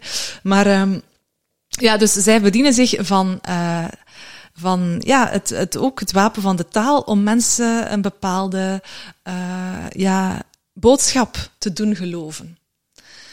In, elk, in elke oorlog, als ik even die vergelijking mag trekken, is het belangrijkste ministerie het ministerie van propaganda. Je moet je boodschap verkocht krijgen, want mensen willen op zich geen oorlog, dus, maar als de, de politiek wil oorlog, dus ze moeten zorgen dat de bevolking mee is. En nu was ook de oorlog tegen het virus. Hè? Dus we moeten allemaal mee. We moeten allemaal aan. Dus we moeten allemaal dit beleid. En ik zeg niet dat alle politici van slechte wil zijn. Er zijn er zeker tussen die, en misschien een meerderheid, ik weet het zelfs niet, hè, die, die dat gewoon echt uh, deden uh, met de beste bedoelingen. Hè? Maar ik denk ook dat er wel een aantal tussen zitten die. Um, ja, dat noemen ze retoriek. Hè? Ik bedoel, als politici ergens goed in zijn, dan is het in retoriek. Ja, dus in uh, met woorden dingen verkopen. Voilà. En zo ben ik ook tot mijn boek gekomen, dat eigenlijk, um, ik ben ook met woorden gaan spelen. Hè. Dus dat is niet bewust, maar dat begon ik te doen. Hè. Coronade, ik begon, hè, dus een, be, begon aan coronade te noemen, dat is een, een, een samentrekking van corona en maskerade. Hè. Dus dat, om, om dat circus hè, te benoemen. Uh, um, wat was dat er nog een van? Uh, een vaccident, hè? dus uh, vaccinatie, ongelukje. Hè? Dus ik begon zo woorden te definiëren. Ik was zo mijn eigen lexicon aan het uitvinden. Zo. En homo sanitariens en de perversiteit kwamen daar ook aan. Dus homo sanitariens is eigenlijk ja, de homo sapiens sapiens, die een beetje afgedwaald is naar een van smetvrees bevangen uh, wezen dat ja, niet meer zelf kan nadenken, maar puur orders volgt en maskers opzet en spuitjes laat zetten. En ja, die, ja, ik heb er ook een gedicht aan gewijd. Is een heel angstige mens, maar ik, ik roep altijd op tot uh, mens, alsjeblieft, uh, zet dat masker af. La, voel uw hart, voel uw ziel. Um, voel of dat dat klopt voor u. Um, en als je vindt dat helemaal... Oeh, sorry, ik eet hier bijna een micro op. Als je voelt dat dat helemaal... helemaal... Het is geen Lijkt een beetje op een ijsje wel. Foei, Tommeke, foei, foei, foei, foei. Ja, dus als je voelt dat dat helemaal klopt voor u, oké, okay, ga ervoor. Ik ga je niet tegenhouden. Maar als je angst voelt en gewoon knikt, omdat je denkt dat dat van u verwacht wordt en omdat je niet durft te spreken, dan, de, ah, in, dan in dat geval is het echt een uitnodiging om, om bij jezelf te gaan voelen van wie ben ik. En niet omdat ik het u zeg omdat het moet, want van mij moet hij juist niks. Het is een uitnodiging om, om het leven ten volle te leven. Hè, om te doen waardoor, waarvoor dat we hier zijn. Om, om die vrijheid die ons levensrecht is, ons basisrecht is. Uh, om die te, ja, te leven. En dan zeg ik niet dat als er echt een noodtoestand zou zijn, dat ik ook niet bereid ben bepaalde vrijheden in te, in te leveren voor korte tijd, uiteraard wel. Maar dat was hier gewoon niet het geval. Hè. Dus dat was, er was zoveel tegenspraak die werd gecensureerd, dat je gewoon niet anders kunt dan vragen stellen. En daarom noem ik dat ook de perversiteit.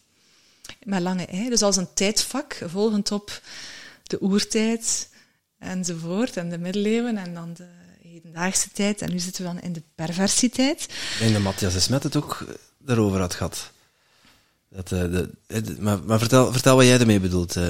Wel, wat ik ermee bedoel is dat er dus perverteren is dingen omkeren. Hè, dus pervers. Uh, ik vind het een perverse tijd. in die zin dat ook heel veel woorden, hè, zoals ik zei, er worden woorden nieuwe betekenissen gegeven, maar um, men gaat ook letterlijk woorden, belangrijke waardewoorden. En je had het in het begin over uh, waarden, of niet, dat was voor ons gesprekje, dat je zei van, hey, wij doen alles waardegedreven. Wel, dat men bepaalde waarden die voor mensen heel belangrijk zijn, zoals solidariteit, zoals burgerzin, uh, dat men die gaat andere betekenissen geven die eigenlijk, dia eigenlijk diametraal staan tegenover hetgeen dat er oorspronkelijk mee bedoeld wordt. Dus men, men gaat iemand zeggen van ja, je bent solidair als je je laat inenten. eigenlijk ben je dan gehoorzaam. heeft niks met solidariteit te maken. Hè. Als, je, als je het echt doet, hè, ze zeggen je doet het voor een ander.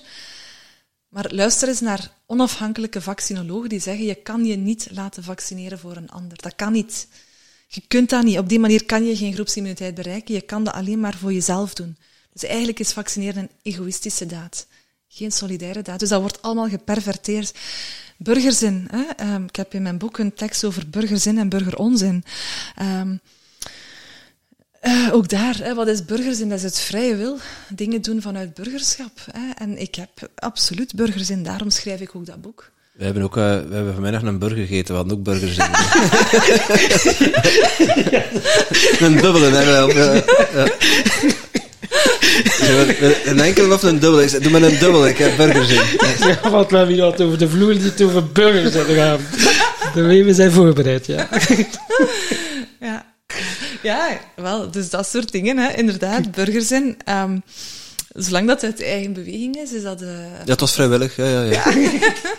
ja. stel je voor. Het zou wel een mooie straf zijn, hè? verplicht burgers eten. Zo. Maar uh, ja, inderdaad. En, en veiligheid en, en, vrijheid, dat wordt allemaal nu zo helemaal anders. Uh... Dus, en die perversiteit daarin, ja. hè, met korte ei dan. Als je, dus laat ons alsjeblieft, hè, want voor, voor, voor wij die het zien, laat ons dat uitspreken. Hè, zodanig dat we alles, ik, ik, schrijf, ik schrijf en ik spreek nooit om iemand te overtuigen. Hè. Dus dat is nooit mijn intentie. Iedereen is vrij. Hè. De ziel, ik wil een bezield leven leiden, dat betekent dat ik mijn ziel de vrije ruimte wil geven. En ziel is voor mij gelijk aan vrije keuze. Dus elke ziel heeft vrije keuze. Willen mensen wel zich laten injecteren, doet dat ze dat doen. Willen mensen wel met vijf mondmaskers over elkaar uh, op straat lopen en nog zo'n face shield erbij, doe maar. Uh, maar alsjeblieft, laat mij rust. En ja. ga het ook niet aan mijn kinderen opleggen. Ik heb maar één, hè, maar de kinderen is dat het beeld van de samenleving. Hè? Want eh, conditioneringen op jonge leeftijd, als mensen heel angstig uh, opgroeien, dan heeft dat een impact, sowieso. Hè? Dus uh, mijn zoon was 12 jaar als corona begon, is nu 14. Dus hij heeft van mij wat tegengas, hè, natuurlijk, maar op school wordt er inderdaad ook. Hè, dus dat was na elk lesuur dus dat is zeven keer per dag die handen ontsmetten. Uh, dus dat is uh, dus in het begin ook echt uh, ja, op de, in de eetzaal. Hè, er moesten twee plaatsen tussen zitten. Uh, dus die afstand. Hè, dus het pubers. Pubers die groeien net naar elkaar toe. Allee, dus, en, ja. Nee, dat mocht niet, hè? Nee, nee. Ze mochten elkaar niet ontmoeten. Ja, op een bankje zitten, dan kreeg je een boete van 250 euro. Dus dat is waanzin, waanzin. Dus dan denk je, mensen, laat, als we het zien, laat het ons alsjeblieft, en, we voelen dat het niet klopt, laat het ons gewoon zeggen dat het niet klopt. Laat het ons schrijven dat het niet klopt. Laat het ons via humor en liefde, hè, want dat zijn voor mij, want allee, ook liefde, hè, dus dat is die, die, um, het, naar macht toe ga ik altijd, um, ja, de, de satirische pen bovenaan, maar naar de mens op zich voel ik een groot hart voor uh, de mens. Uh, ook de gehoorzame mens, alleen moet ik die niet te lang in mijn buurt hebben. Maar, ja. maar op, op een hoger niveau voel ik daar heel veel liefde voor. Omdat ik uh, inderdaad voel van, kijk, ik was ook ooit zo. Ja, ja, de onbewust. En het is makkelijk, ja, als je zelfonderzoek doet, dat doet fucking veel pijn. Hè? Als ja. je in jezelf, als je naar binnen gaat keren en alles wat dan naar boven komt, ja. om dat recht in de ogen te kijken en te gaan doorvoelen en te doorwerken. Ik ben er nu ook al een jaar of zes intensief mee bezig, van plantmedicijnceremonies tot familieopstellingen, noem maar op. Maar dat doet fucking veel pijn, spiritueel ontwaken. Want mensen denken, ja, ja, een beetje, een beetje plantmedicijn, een beetje dat. Ja, ik kan u garanderen wat dat er dan ook allemaal naar boven komt. Dat is allemaal niet zo leuk om het daarna ook te gaan integreren. Absoluut. Maar daarna natuurlijk, je voelt je vrijer, je voelt je blijer. Maar natuurlijk heb je nog weer die donkerte aan te kijken. En het is, licht kan niet bestaan zonder donker. En blijheid kan niet bestaan zonder verdriet. Het is en-en. En het is hetzelfde muntstuk, maar uh, ja, het is de... de, de... Wel, het is, dat, het is mooi dat je dat zegt, hè, van de licht en donker, omdat... Um, als ik zeg van externe autoriteit naar interne autoriteit, en dan bedoel ik ook echt, en dat is het moeilijkste stuk voor, voor veel mensen, denk ik, en allee, ook voor iedereen, ook voor mezelf. Hè. Dus is, um, want het is natuurlijk, veel van de wakkere mensen zijn ook echt kwaad op, mm -hmm. omdat als je het ziet, hè, dan dan zijn ze kwaad op, op het beleid. Hè. Dat, kan, ja. dat, is, ja, dat is gewoon zo, want zij doen het ons aan. Hè. Zij leggen ons die regels op, die beperkingen op, die uh, verplichtingen op. Um, dus die kwaadheid is normaal, hè, maar, maar tegelijk um, moeten we de redding niet van buitenaf verwachten. Hè. Dus die redding er is niemand die er ons gaat uithalen. Want ik, ik las ooit zo'n keer iemand op Facebook die onder een post dat iemand van mij had gedeeld schreef van ja, behalve wat, eh, wat, wat je schrijft, heb ik van haar nog niet veel concreets gezien. Eh, er is er nog altijd niks veranderd. En dan dacht ik, ah kijk, hier hebben we een mooi voorbeeld van iemand die denkt dat ik het ga veranderen. Of dat ik iets moet veranderen voor u. Ik ga niks voor u doen. Nee, ik ga puur schrijven waardoor dat, en dingen zeggen waardoor dat jij misschien iets re voelt resoneren bij jezelf ja. en dat je zelf je eigen proces binnen, kunt want Want uh, mensen die de, de redding verwachten van buitenuit, die zijn ook... Ah, het is ook en dat is ook weer een illusie, hè, die een buitenwereld, want uiteindelijk, uw buitenwereld is een reflectie van uw binnenwereld. En je kan uw buitenwereld maar veranderen in uw binnenwereld. Het is alsof, ja, het is een spiegel, uw buitenwereld. Ja. En als je daar dingen wilt veranderen, ja, goed luck, maar dat marcheert voor geen meter. Nee, en dat, en dat is het moeilijkste, is dat we, als we uit dat machtsdenken willen gaan, dat we ook in onszelf uit dat, dat machtsdenken willen gaan. Hè? Want ook wij hebben onze donkere stukken, en we doen ons soms liever beter voor dan dat we zijn. En we, dus, we, dat is dat machtsspelletje in onszelf, hè? Zo, of we voelen ons soms een keer beter dan een ander, of we, ja. hè, dus dat, en dat in de ogen durven kijken en voelen van, oké, okay, waar heb ik, of, of dat je vrij kwaad wordt van iets, dat, van iemand die je triggert. We gaan onderzoeken, wat is dat? Ik weet dat ik het projecteer, wat is het? Het terug durven in jezelf plaatsen. Hè? Dat is een stuk bijvoorbeeld, dat je een stuk jaloers zet op iemand of zo, dat je voelt, dat je echt gaat onderzoeken, wat is dat? Wat is dat? En dan, welke overtuigingen heb ik? Welke, uh, welke emotie zit daar? Welk verdriet zit daaronder? Dat, allee, uh, welke pijn? En dat in de ogen durven kijken, dat is, dat is uh... de ware transformatie. En dat gewoon ja, kunnen laten zijn. Iemand zei het heel mooi van als je geen vijand binnenin je hebt, dan ja. kan de vijand buiten jou je niks doen. Voilà, dat is En uiteindelijk is het. En, en, dat is de warrior, hè? dat is de krijger. Hè? De krijger die kan zich, hè, die met zijn voeten geaard, geworteld, die kan zich niet laten omverblazen. Hè? En dat, ik ben daar ook nog niet, hè. dus ik heb ook momenten dat ik uh, wel wankel. En dat, dus, maar ik, ik, ik, ik ga wel, allee, al nu... Uh, ja, in totaal denk ik 15 jaar dat ik wel dat pad uh, bewandel van, uh, maar vooral, vooral de laatste tien jaar, hè, um, van um, uh, ja, naar binnen kijken en die schaduwstukken ja, er gewoon kunnen laten zijn, want het is ook niet, en dat, dat is een beetje dingen met NLP soms, hè, dat we dan denken, ik moet die veranderen, ik moet die veranderen, ik moet ja. van, van negatieve overtuiging, positieve overtuiging. Ja, maar dat is vooral veel mentaal ook, hè. NLP merk Ah, ik ook op, ja. voor een stukje zo mentale zo, een, een overtuiging, een beperkende overtuiging, omzetten naar een voedende overtuiging. Ah, wel, maar je moet ze, je moet ze Hier, laten zakken. ja, ja, ja, het is echt wel van hieruit. Ja, maar want dat is... eh, in je hoofd gaat niet marcheren. Nee, in je hoofd, eh, daar ben ik ook achter gekomen. Nee. Eh, dat Nee, is- ah, wel, maar waar dat, dat is natuurlijk te zien hoe en waar dat je dat volgt en hoe lang en zo. Want je hebt zo van die heel korte trainingen die dan, ja, daar geloof ik niet dat dat werkt, omdat dat gewoon, dat kan niet anders dan mentaal blijven. Maar zo'n langere training, en als je dat dan ook allee, een paar jaar mee aan de slag blijft, hè, want ik ben dan trainer geworden, ben Ah, Oké, dan ja. zelf ook nog heel veel gaan assisteren en, en training geven. En dan merk je wel, het zakt, het zakt, het zakt. Exact, ja, ja, ja. En dan, dan eh, heeft het wel effect. Dan heeft het inderdaad wel. eh, het is uw blueprint uiteindelijk. Ja, Dan, ja. maar inderdaad, het is niet per se dat je er moet een, een positieve tegenover zetten, want als je ze er laat zijn, die negatieve, dan komt, uh, en ze gewoon in vraag stelt van, ik heb ook de work of Byron Katie gevolgd in, uh, in Californië uh, vier jaar geleden. En, Zouden die met die vier vragen? Ja, Ja, ja, ja, ja, ja, ja, ik heb bij haar... eh, en dat is eigenlijk ook een, dat is een meditatie op uw overtuigingen. En dat werkt ook enorm krachtig, omdat dat, dat stelt gewoon in vraag van, hè, stel dat je zegt van ja, ehm, eh, ik ben niet goed genoeg, hè, bijvoorbeeld, hè, dan is dat waar. En dan ga je daarop mediteren, is dat waar? En dan, ja, dan ga je er, alleen al die vraag stellen, ehm, opent gewoon, het creëert ruimte rondom uw vastgeroeste overtuigingen. En ehm, ja, Ah, die Er vier vragen, misschien voor onze luisteraars, we hebben nu misschien iets getriggerd. Hè? Vier vragen. To work. Kan, huh? hè? Eh, kan je een keer eh, ons meenemen? De vier vragen eh, kort uitleggen wat dat het, eh, Ja. de work van Baron Katie Dus als inhoudt? je, um, ja, bijvoorbeeld. Hè, dus een, een, je vertrekt altijd vanuit een bepaalde stressvolle situatie. Hè. Ehm, dus ik, uh, bijvoorbeeld, ik ben kwaad op u, hè, omdat je hebt gelogen tegen mij. Hè. Dus, en dan zit ik in mijn hoofd, Tom heeft gelogen tegen mij. Tom heeft gelogen tegen mij. En dan word ik zo kwaad op u. Klutzak. Ja, voilà. Uh, Dat eens zeggen. Bewust. Ja, worst.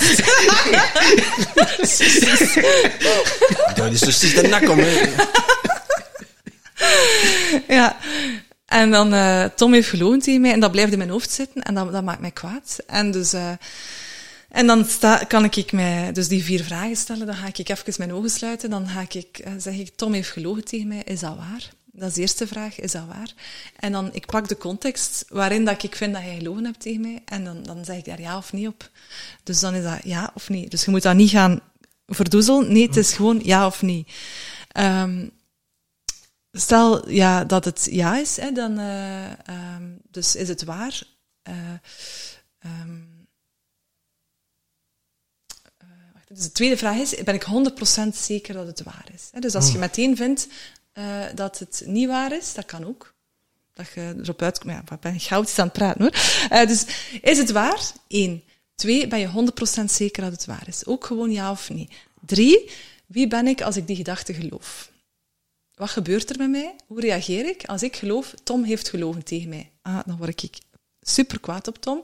Dan uh, ben ik, uh, voel ik, ik zo in mijn armen stress. Dan heb ik, uh, ik ben kwaad, ik voel onrust en ik kan niet slapen s'nachts. En dus, oké, goed. Um, dan de, de vierde vraag, wie zou ik zijn zonder die gedachte? Tom heeft gelogen tegen mij. Oké, okay.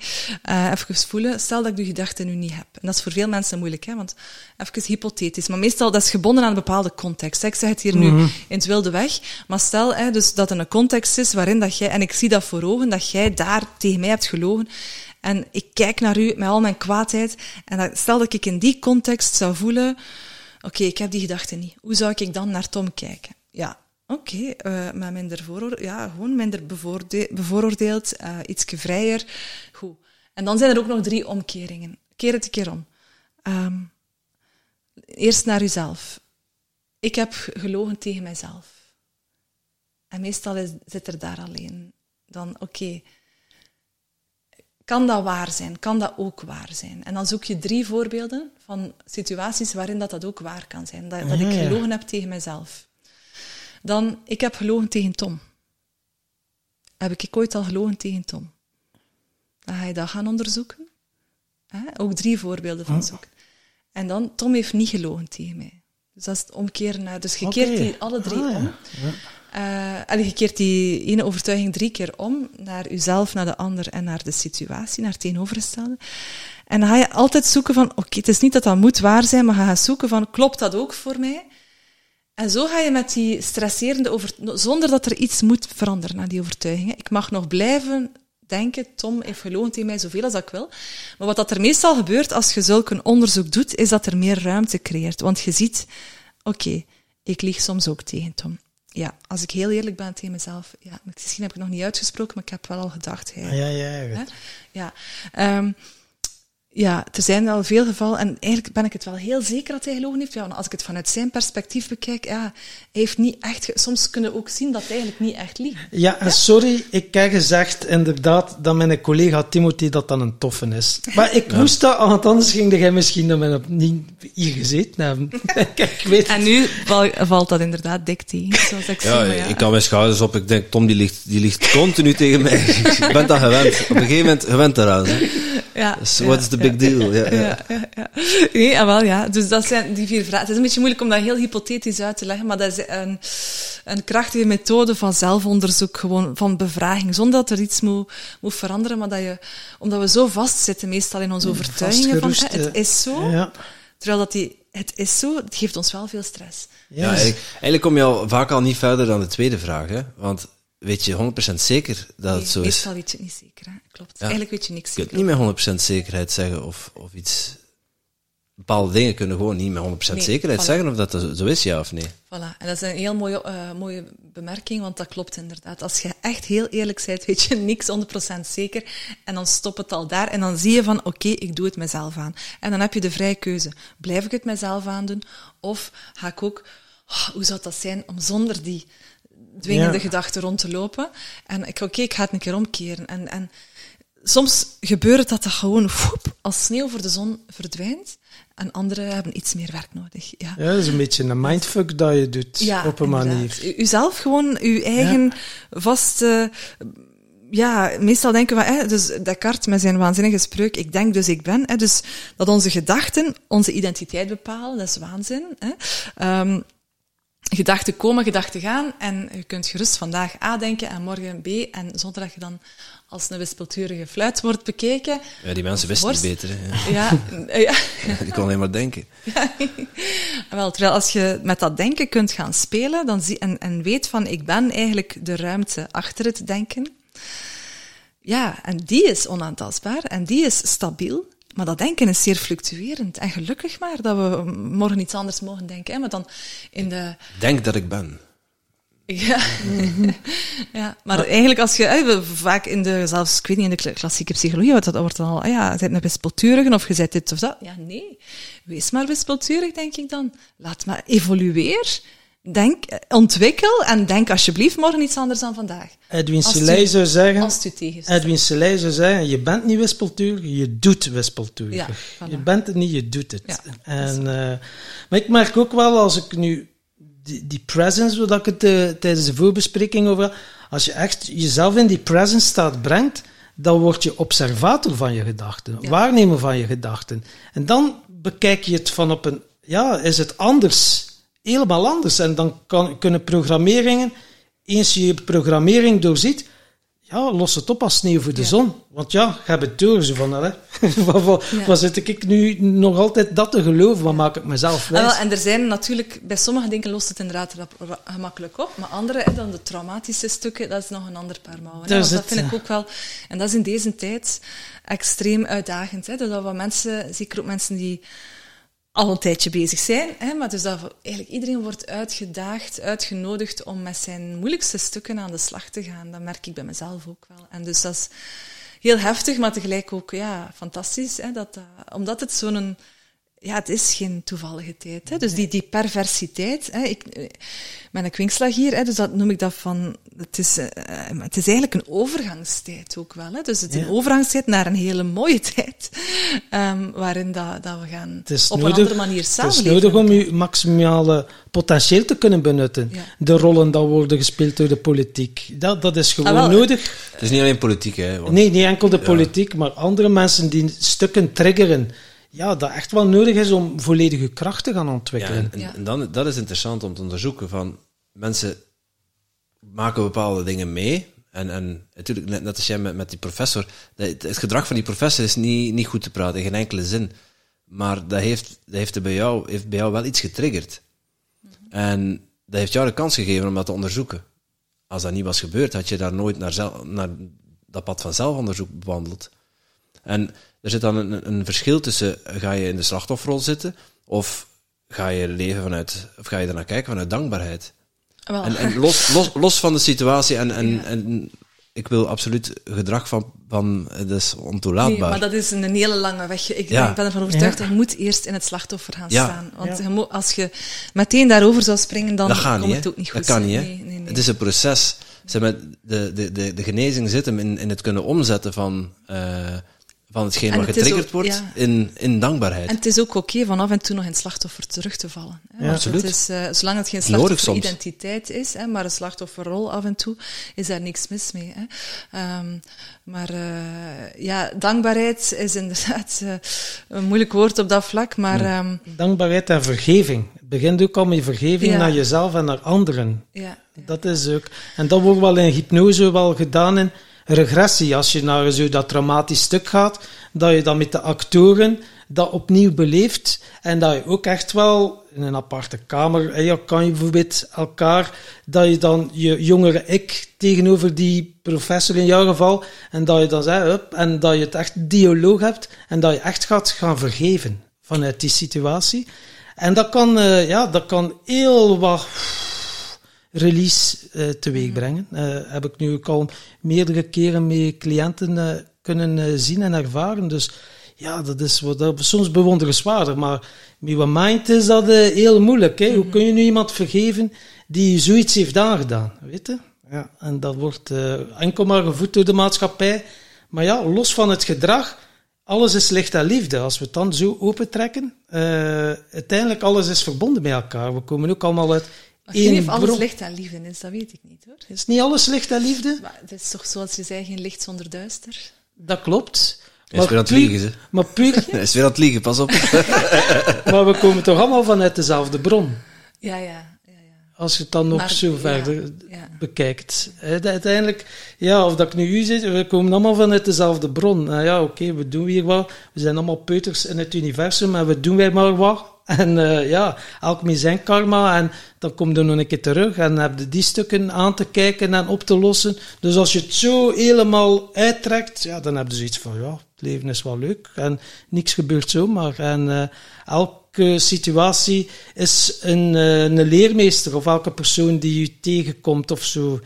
Daar heb je lessen van ja, te leren. maar tegelijk... Ik ben het er helemaal mee eens, maar tegelijk moeten we dan ook behoeden voor het... Uh, want dat zei Byron Katie ook, hè, want dan om duur kun je alles gaan plat relativeren, ja. zeg ja. maar. Hè. Ja, dat is ook risicovol, hè? Ja, en dan... Uh, en zij zei ook, van, ja, dat is niet de bedoeling. Uh, je mocht wel degelijk nog... Uh, allee, anders zou ik ook dat boek niet geschreven hebben. Je mocht nog um, uw verontwaardiging uitspreken. Het is alleen de vraag vanuit welke intentie. En dat is, dit is totaal geen agressief boek. Het, is een, het is een verbindend boek, het is een, een liefdevol boek, alleen met humor ook.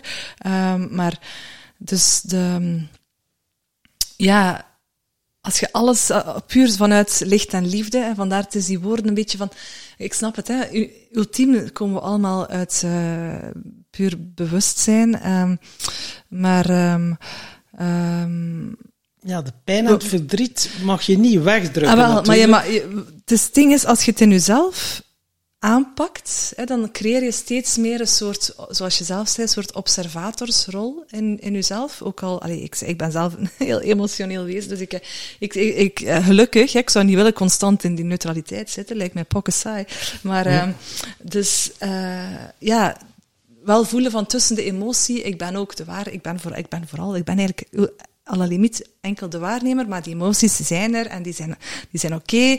Okay. Um, maar als, als ik schrijf, hè, dan schrijf ik vaak inderdaad wel vanuit die waarnemer, uh, waardoor het een soort van, uh, moet ik dat zeggen? Um, ik zeg het wel, hè, maar er is een lading af. Snap je? Dus ik, ja. ik geef hier geen bom aan mm -hmm. iemand. Want dan, als iemand dat is, wow, ja, hoe zit ja, ik daarmee? Ja. dat is alsof dat je bommen doorgeeft. Hè? Dus terwijl, wat geeft het door? Hè? Laten mensen lachen, laten mensen contact maken met hun hart, laten... Hè, hè? En, en dus, dat is dus zoiets... Hè, dat, um, en in die zin... Allee, het is, ja... Het is wel mooi dat je die verdieping maakt, want uiteindelijk ben je in staat, als er pijn of verdriet is, ben je in staat om er contact mee te maken met je eigen pijn en je verdriet en het te omarmen. En het ook volledig te gaan doorvoelen, want dan kan het pas oplossen en kan het, uh, want ik heb ook geleerd, de, enige, de enigste weg naar vrijheid en balans is via de poort van pijn en verdriet. En ik heb genoeg mechanismen gehad om mezelf te verdoven of te vluchten. Er zijn zoveel zelfbeschermingsmechanismen om niet naar die diepere pijn te moeten gaan, naar die lading. Maar ja, je ontkomt er niet aan. Het komt elke keer terug in een andere persoon of in een andere situatie. Maar het zijn altijd soortgelijke situaties. Mm -hmm. Tot wanneer dat je er echt contact mee gaat maken en het recht in de ogen gaat aankijken. Oké, okay, pijn, ik weet, je bent er voor mij, niet tegen mij wat heb je met te vertellen? En het ook liefdevol gaan omarmen. En vanuit die plek, ja, dan kan je groeien, spiritueel groeien. Dat is de ervaring die ik nu toch wel en het pad dat ik nu momenteel aan het bewandelen ben. Voilà. En ik denk het, het beste allez, ondersteunende mechanisme voor mensen om daartoe te komen is authenticiteit. Ik denk ja. wat, dat veel mensen, en terecht ook denk ik, een beetje een allergie hebben voor zo uh, de teachers of de goeroes die zo zeggen aan anderen dat ze het moeten doen. Hè. Maar dus vandaar het uw eigen proces delen en vandaar dat ik daar ook zo open over ben, over mezelf omdat ik, niet dat daar, daar zit geen enkele strategie achter, maar dat is puur van, oké, okay, ik, in mijn schrijfsels ook, ik, ik deel mijzelf. Ik kan niet iets of iemand anders delen dan mijzelf.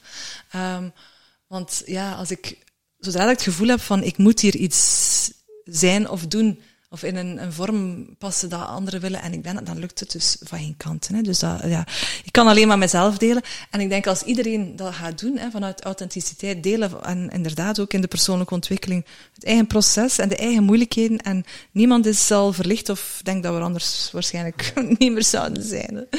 Ja. Ik weet het niet. Um, of anders een nieuwe messias zouden zijn. Zo. Uh, maar misschien denken sommigen wel dat ze dat zijn. ik weet het niet. Uh, Hey, Tom. Moet ik soms wel een keer vergelijken met Jezus. Dat klopt. ja, je hebt wel al bepaalde kenmerken van, Ja. uh, op het uiterlijke. Ja. Maar over authenticiteit gesproken, mensen gaan nu denken, ja, wat staat er nu allemaal in die boek? Kan je ons een keer meenemen in die boek? Je hebt er ook zo mooie Bladzijde eh, één. gedichtjes eh, gelezen op eh, dat Wake Up Fest eh Ja. festivalken en ik dacht van wauw. Waar, uh, waar wil je dat ik het eens over heb? Ik vond de dienen die... eh, Sla, sla hem ergens open eh, waarvan je voelt, ja. en de dienen van naar. Alexander de Croo, dat vond ik wel een vrij mooie. Ah, maar dat is, er staan, ik heb die brieven naar hem. Dat zijn lange brieven, hè? dat zijn uh, echte argumentatiebrieven, die ga ik niet voorlezen, dat is een beetje... Ik ga het, uh, wacht, hè. Het staan lange brieven, het staan lange stukken in, het staan korte stukken in. Um, hoor. Uh, de homo sanitariëns zelf. Ja, doe maar. Uh, Om te ja. beginnen. Ja, ja, ja. Leef je uit. Dat is een gedicht, hè? Beste medemens, homo sanitariëns. Hoe lang zul je mij nog vragen om jouw angst te dragen, om je lijden draaglijker te doen lijken, zodat jij verder weg kunt kijken? Van het beest dat in jou leeft, dat siddert, loeit en beeft, dat roept en tiert en huilt om alle angst die in jou schuilt. Dat deel van jou dat je lelijk vindt, dat monster met de ogen van een kind. Hoe je het ook draait of keert, hoe hard je het ook op mij projecteert. Het zal blijven trekken en schuren, tot het geen dag meer mag duren. Omdat jij roept, genoeg, ik heb een leven voor de boeg. Dus maskers af van jou, van het beest. Hoog tijd voor dat feest. Altijd welkom voor een dans, een lach en een zwans. Beesten onder elkaar, een leven minder zwaar. Want je beest zal je niet schuwen als je het niet langer weg gaat duwen. Het wil alleen een aai over zijn bol, een warme plek, geen donker hol, een zachte blik en samenspel. Het is echt tijd, dat weet je wel. Dus weg met dit gemaskerd bal, met die mensheid in verval. Koester je beest en dans, grijp naar elke kans op een nieuw en bruisend leven, met hart en zonder beven. Wauw. Wauw. Dat is de homo sanitariëns. Straf. Daar zijn we even stil van. Ja. Mooi. En uh, er zijn zoveel bladzijden volgeschreven. Ik heb zoveel, ja, ik heb zo uh, 240 bladzijden volgeschreven ongeveer. 41. Ja, um, ben aan het kijken wat ik nog eens ja, straf. kan lezen. Het zijn niet allemaal gedichten, soms zijn het ook gewoon reflecties. Um, of ja, grappige teksten. Ja. De veilige. Ga eens uh, een tekstje lezen voor onze politici. Dus um, op een bepaald moment hadden zij de veilige vrijheid gelanceerd. Hè. Veilige vrijheid. Ik weet niet of je nog weet. Dat was met corona safe ticket. Hè. Dus het zou kunnen. Ik, ik, ik, heb, ik, ben op een gegeven moment heb ik het losgelaten en ja. denk van het mag allemaal gebeuren en uh, het zal mij aan mijn reet roesten. dus uh, geen idee. De veilige vrijheid, dat zegt mij Dus niks. dat was een concept dat ze op een bepaald moment. Ah, dat we buiten mochten onder voorwaarden. Dat was uh, ja, voorwaardelijke dus met vrijlating. De, met de safe pas, hè, de COVID safe pas, was je veilig vrij. Nu, ik had zo geen pas. Dus dan, in principe zou ik mij dan veilig, onvrij of ja, iets gelijkaardigs ja. moeten. Dus ik had geschreven, maar ik heb dat, allez, dus dat is gewoon in het algemeen, hè, uh, ik heb dat niet, niet verstuurd, maar er zijn andere dat ik wel heb verstuurd, maar dit is gewoon een briefje op Facebook gezet. Goedemorgen, heren, dames, politici.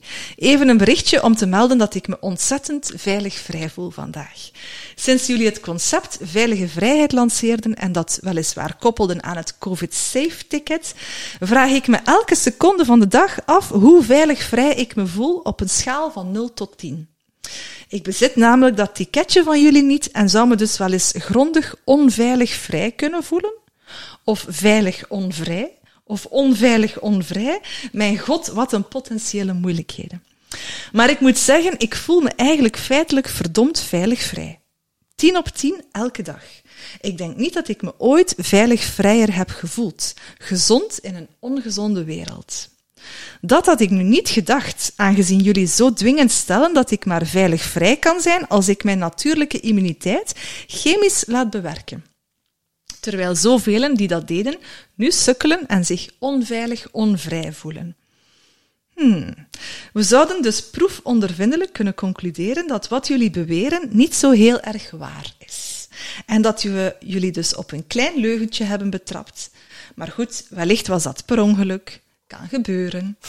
Het doet verder echt wel deugd te weten dat jullie zo met ons begaan zijn en al die prachtige beslissingen nemen in ons aller welzijn. Zoveel visie, eerlijk en rechtvaardig. Ik denk dat jullie zeker in de spiegel kunnen kijken. Geen idee wat je dan precies te zien krijgt, maar kijk eens, zou ik zeggen. Nu ga ik mijn hond uitlaten, aan de leiband, anders is hij niet veilig vrij. Gelukkig dat er zoiets als een leiband bestaat voor de veilige vrijheid. Het dog safe ticket, zeg maar. Anders heb ik geen controle over hem. En oh ja, terzijde, ik hoop wel dat jullie allen veilig vrijen. Er is een klein beetje nood aan nieuwe mensen met nieuwe ideeën over een nieuwe wereld. Enigszins echt veilig en vrij. Groetjes. Ja, het enige wat nodig is CST-ticket, dan kun je veilig vrijen. Hè. Toch? Nee? Heb ik de boodschap verkeerd begrepen? je mocht ervan maken wat je wilt, jong. Uh, iedereen mag uh, daarin lezen en horen wat hij wil. Ja. Leuk. Ja. leuk geschreven ook. Uh. Ja, dus het is... Um... Het is niet voor de, voor de hokjesdenkers, heb ik wel al in de gaten. Wel, er is een zekere mate van relativering en ook zelfrelativering voor nodig. Um, hè, want ik, kreeg, ik had zo van de week nog iets gepost. Um, uh, want ik blijf nieuwe dingen schrijven nog op Facebook. En iemand had daaronder gezet van... um, je, ik had het over vaccinatieschade hè, in verbloemde termen. En iemand schreef daaronder... Uh, je, je trekt de wetenschap in twijfel... zoiets. En alsof dat, dat dan niet mocht. En ik zeg, ja, tuurlijk. Goed, hè? Dat is de basis van wetenschap. Dat is de basis van wetenschap, ja. ja. Zijn we bijna vergeten. Ja.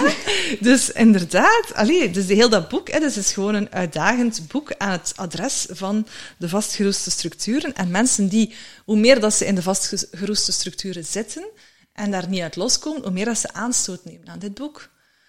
want dus het is, uh, allee, ik heb hier ook andere teksten hè, waarin dat ik inderdaad ook uh, meer essayistisch dan eh, vertel over uh, uh, wetenschap. Hè, bijvoorbeeld, um, hier bijvoorbeeld in een tekst over onze eigen wetenschap is de titel, um, waarin ik op de derde bladzijde dan mij afvraag. Hè, dus wat ik me dus in essentie afvraag, hoe ver is de mens verwijderd van zichzelf als hij zijn eigen waarneming niet meer gelooft? Hoe rigide is onze denkstructuur geworden als wij ons bij elke vaststelling die we doen moeten afvragen, zou het waar zijn wat ik nu waarneem? Dus dat was, mijn broer had dus uh, vaccinatieschade, ernstige.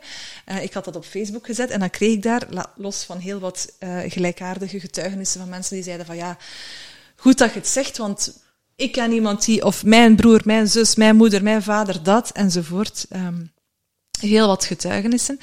Maar natuurlijk waren er ook van die ja, wat is het, hoe moeten ze noemen? Hè? Mensen met uh, wetenschappelijke oogkleppen op. Uh, die... Schijtende meeuwen? ik zou zeggen, mensen die, mensen die het nodig vinden om hun eigen mening op te dringen. Ja, voilà, inderdaad. Bovenop de mening van iemand anders. En dan zeggen, je mocht dat niet zeggen. Wat zijn, maar dat zijn de homo sanitariërs, want die zijn vaak heel angstig, want die hebben zodanig behoefte aan het wetenschappelijk kader dat hen zekerheid biedt. Maar ze hebben ergens ook behoefte aan om dat te ventileren. En... Ja, ja, ja. Maar zo, zij, kunnen de niet verdragen de gedachte dat de wetenschap niet juist zou zijn. Hè? Dus terwijl dat, die gedachte van wetenschap is in essentie twijfel, dat, dat is niet. De wetenschap zegt wat we moeten doen en we gaan luisteren en dan hebben we de meeste kans om, om, het, om succesvol te zijn. Hè? Um, maar dus, ja... Um, en dan schreef ik die anekdote. Hè, dus de en mensen reageerden, ja, dit is een anekdote, dat is geen wetenschappelijk bewijs van mijn broer. Dus ah, ik zeg, ja, oké.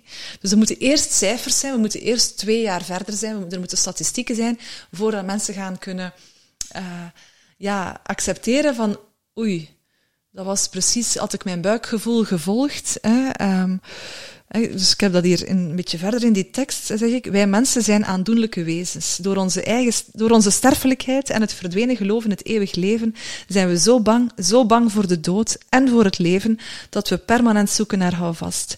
De wetenschap geeft een zekere houvast. Het is zoals gezegd een prachtige methode van waarheidsvinding die tot fenomenale ontwikkelingen heeft geleid.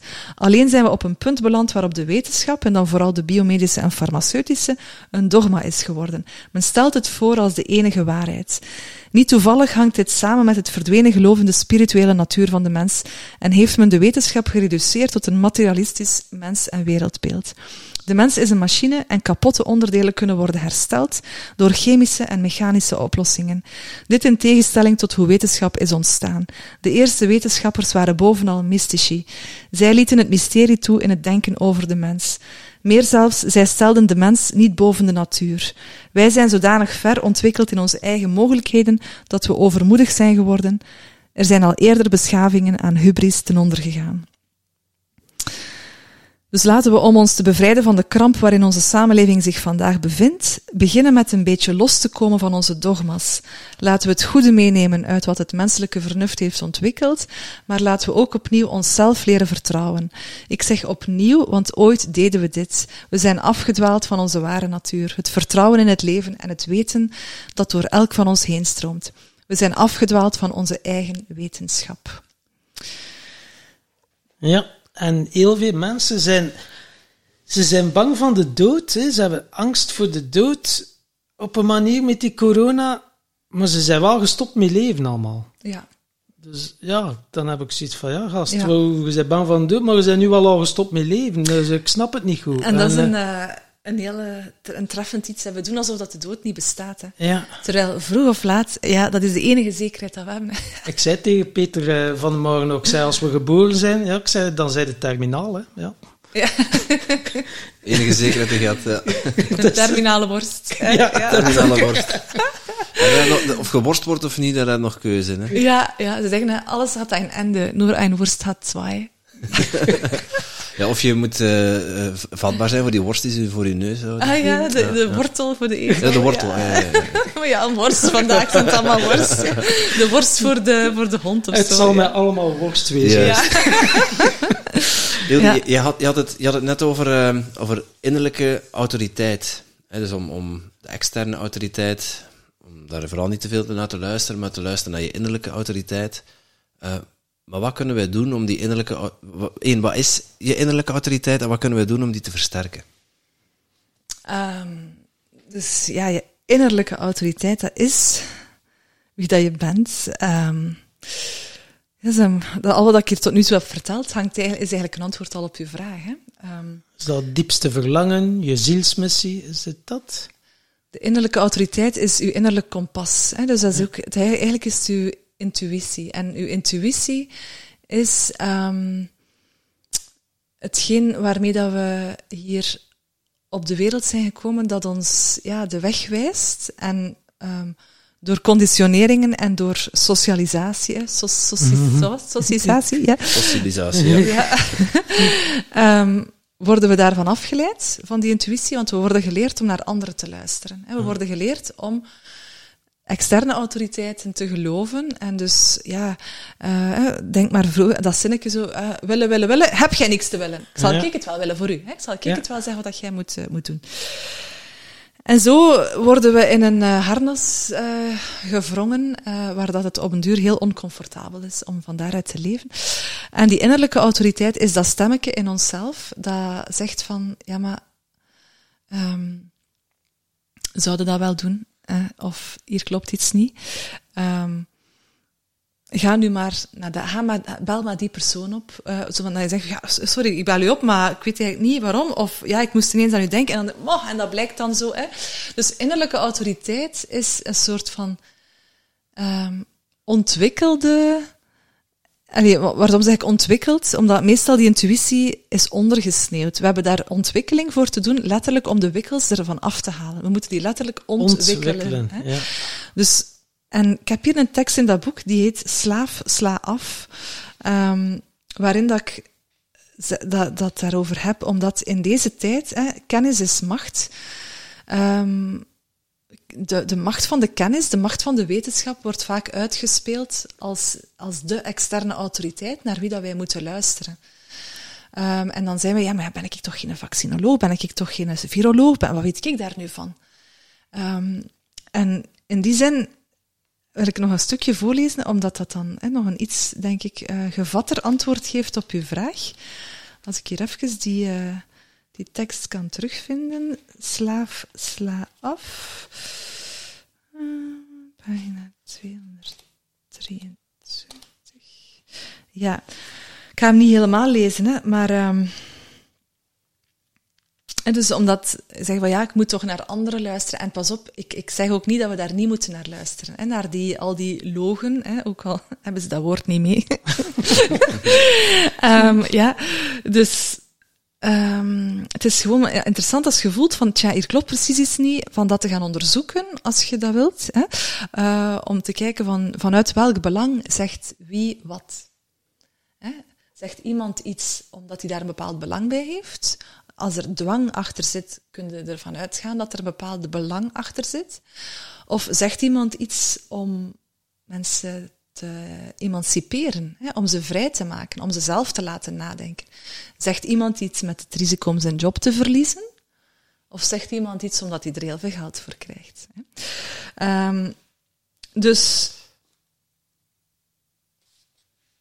ik dus over die intuïtie, dus die innerlijke autoriteit. Ha, jij dacht dat je hulpeloos en alleen naar de aarde bent gekomen en dat je externe autoriteiten nodig hebt om te zeggen wat je moet doen. Ja, zo willen ze het ons graag doen geloven natuurlijk. Zij die graag de orde in de wereld schikken en de touwtjes bedienen. Pas op, sommige externe autoriteiten zeggen zeker zinvolle dingen vanuit de juiste intenties. Maar weet je wat de intuïtie doet? Die laat het je ook op tijd voelen wanneer ze de boel belazeren. Intuïtie fluistert dan bij herhaling Kom aan, lieveling, dit geloof je toch niet. Intuïtie moedigt je aan om zelf op zoek te gaan naar informatie, ook in de autoriteiten van de wetenschap. Over virologie, immunologie en vaccinologie bijvoorbeeld. En dan ontdek je eerst enkele en daarna vele wetenschappers met even zoveel titelkunst als Bouli Bouli. Ja, ik had hier iemand Bouli Bouli genoemd. Mm. Professor Dr. Mm. Uh, die echter iets helemaal anders verkondigen dan wat Bouli en zijn collega-tv-predikanten van het gesubsidieerde bedrijf de ene wetenschap dagelijks verkondigen. In Amerika zijn er bijbelpredikant, bijbelpredikanten die hun volgelingen vragen om te doneren voor een nieuwe privéjet.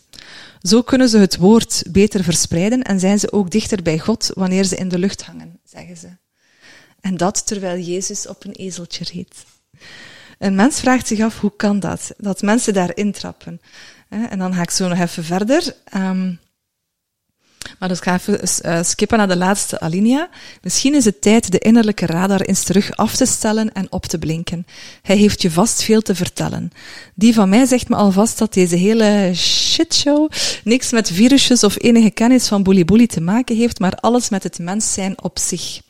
Dat we ons dus op een kruispunt bevinden, dat we ons op een kruispunt bevinden waarin we de keuze hebben onze interne autoriteit terug in het centrum van ons leven te plaatsen in plaats van blind, doof en ja, dom externe autoriteiten met verborgen agenda's te blijven vertrouwen en ons hele hebben en houden, vrijheid en leven weg te geven aan geld en macht, in ruil voor een schamele schaduw van voorwaardelijke invrijheidstelling. Zoals altijd bevat de taal zelf de grootste wijsheid, zij zegt slaaf, sla af. Dus die, die innerlijke autoriteit is uw innerlijk kompas, dat zegt wat dat voor jou waar is. Wij zijn 7 miljard mensen, 7 miljard verschillende mensen, met 7 miljard verschillende talenten, verschillende waardenhierarchieën, uh, verschillende mogelijkheden, verschillende missies hier op de wereld. En leren voelen wie dat je bent, leren ontdekken wie dat je bent, uh, of dat dan nu via loopbaancoaching of via uh, whatever, regressie of wat, wat dan ook. Er zijn zoveel uh, methodes om um, uzelf uh, te vinden. En wat dat daar enorm bij helpt, als je het over je talent hebt, is gewoon je de vraag stellen, waar word ik ongelooflijk blij van? Ja, Remco Klaassen zou zeggen, waar ga jij van kwispelen? Voilà, staartje, inderdaad. Waar gaat uw worstje van nee, Ja. dengelen? Hè? Oei, dat is heel Jij hebt dat echt gezegd, hoor. En wij knippen en plakken niet, dus eh, het spijt me. Oh my god, dat heb ik... Oh my god. Was dat grensoverschrijdend gedrag, Tom? Dat was op het randje, hè. Sorry, hè. Dat thema hier...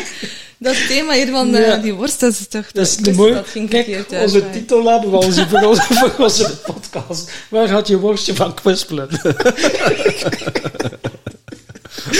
Oh my god, Ja, alsjeblieft. is schitterend. Nee, wat was die vraag? Ehm, ah, nee, waar dat je blij van wordt. Hè? Ah, wel. Maar dus waar, wanneer staat de tijd stil voor jou? Waar, waar word je zo blij van dat als je er niet voor betaald zou worden, het ook zou doen?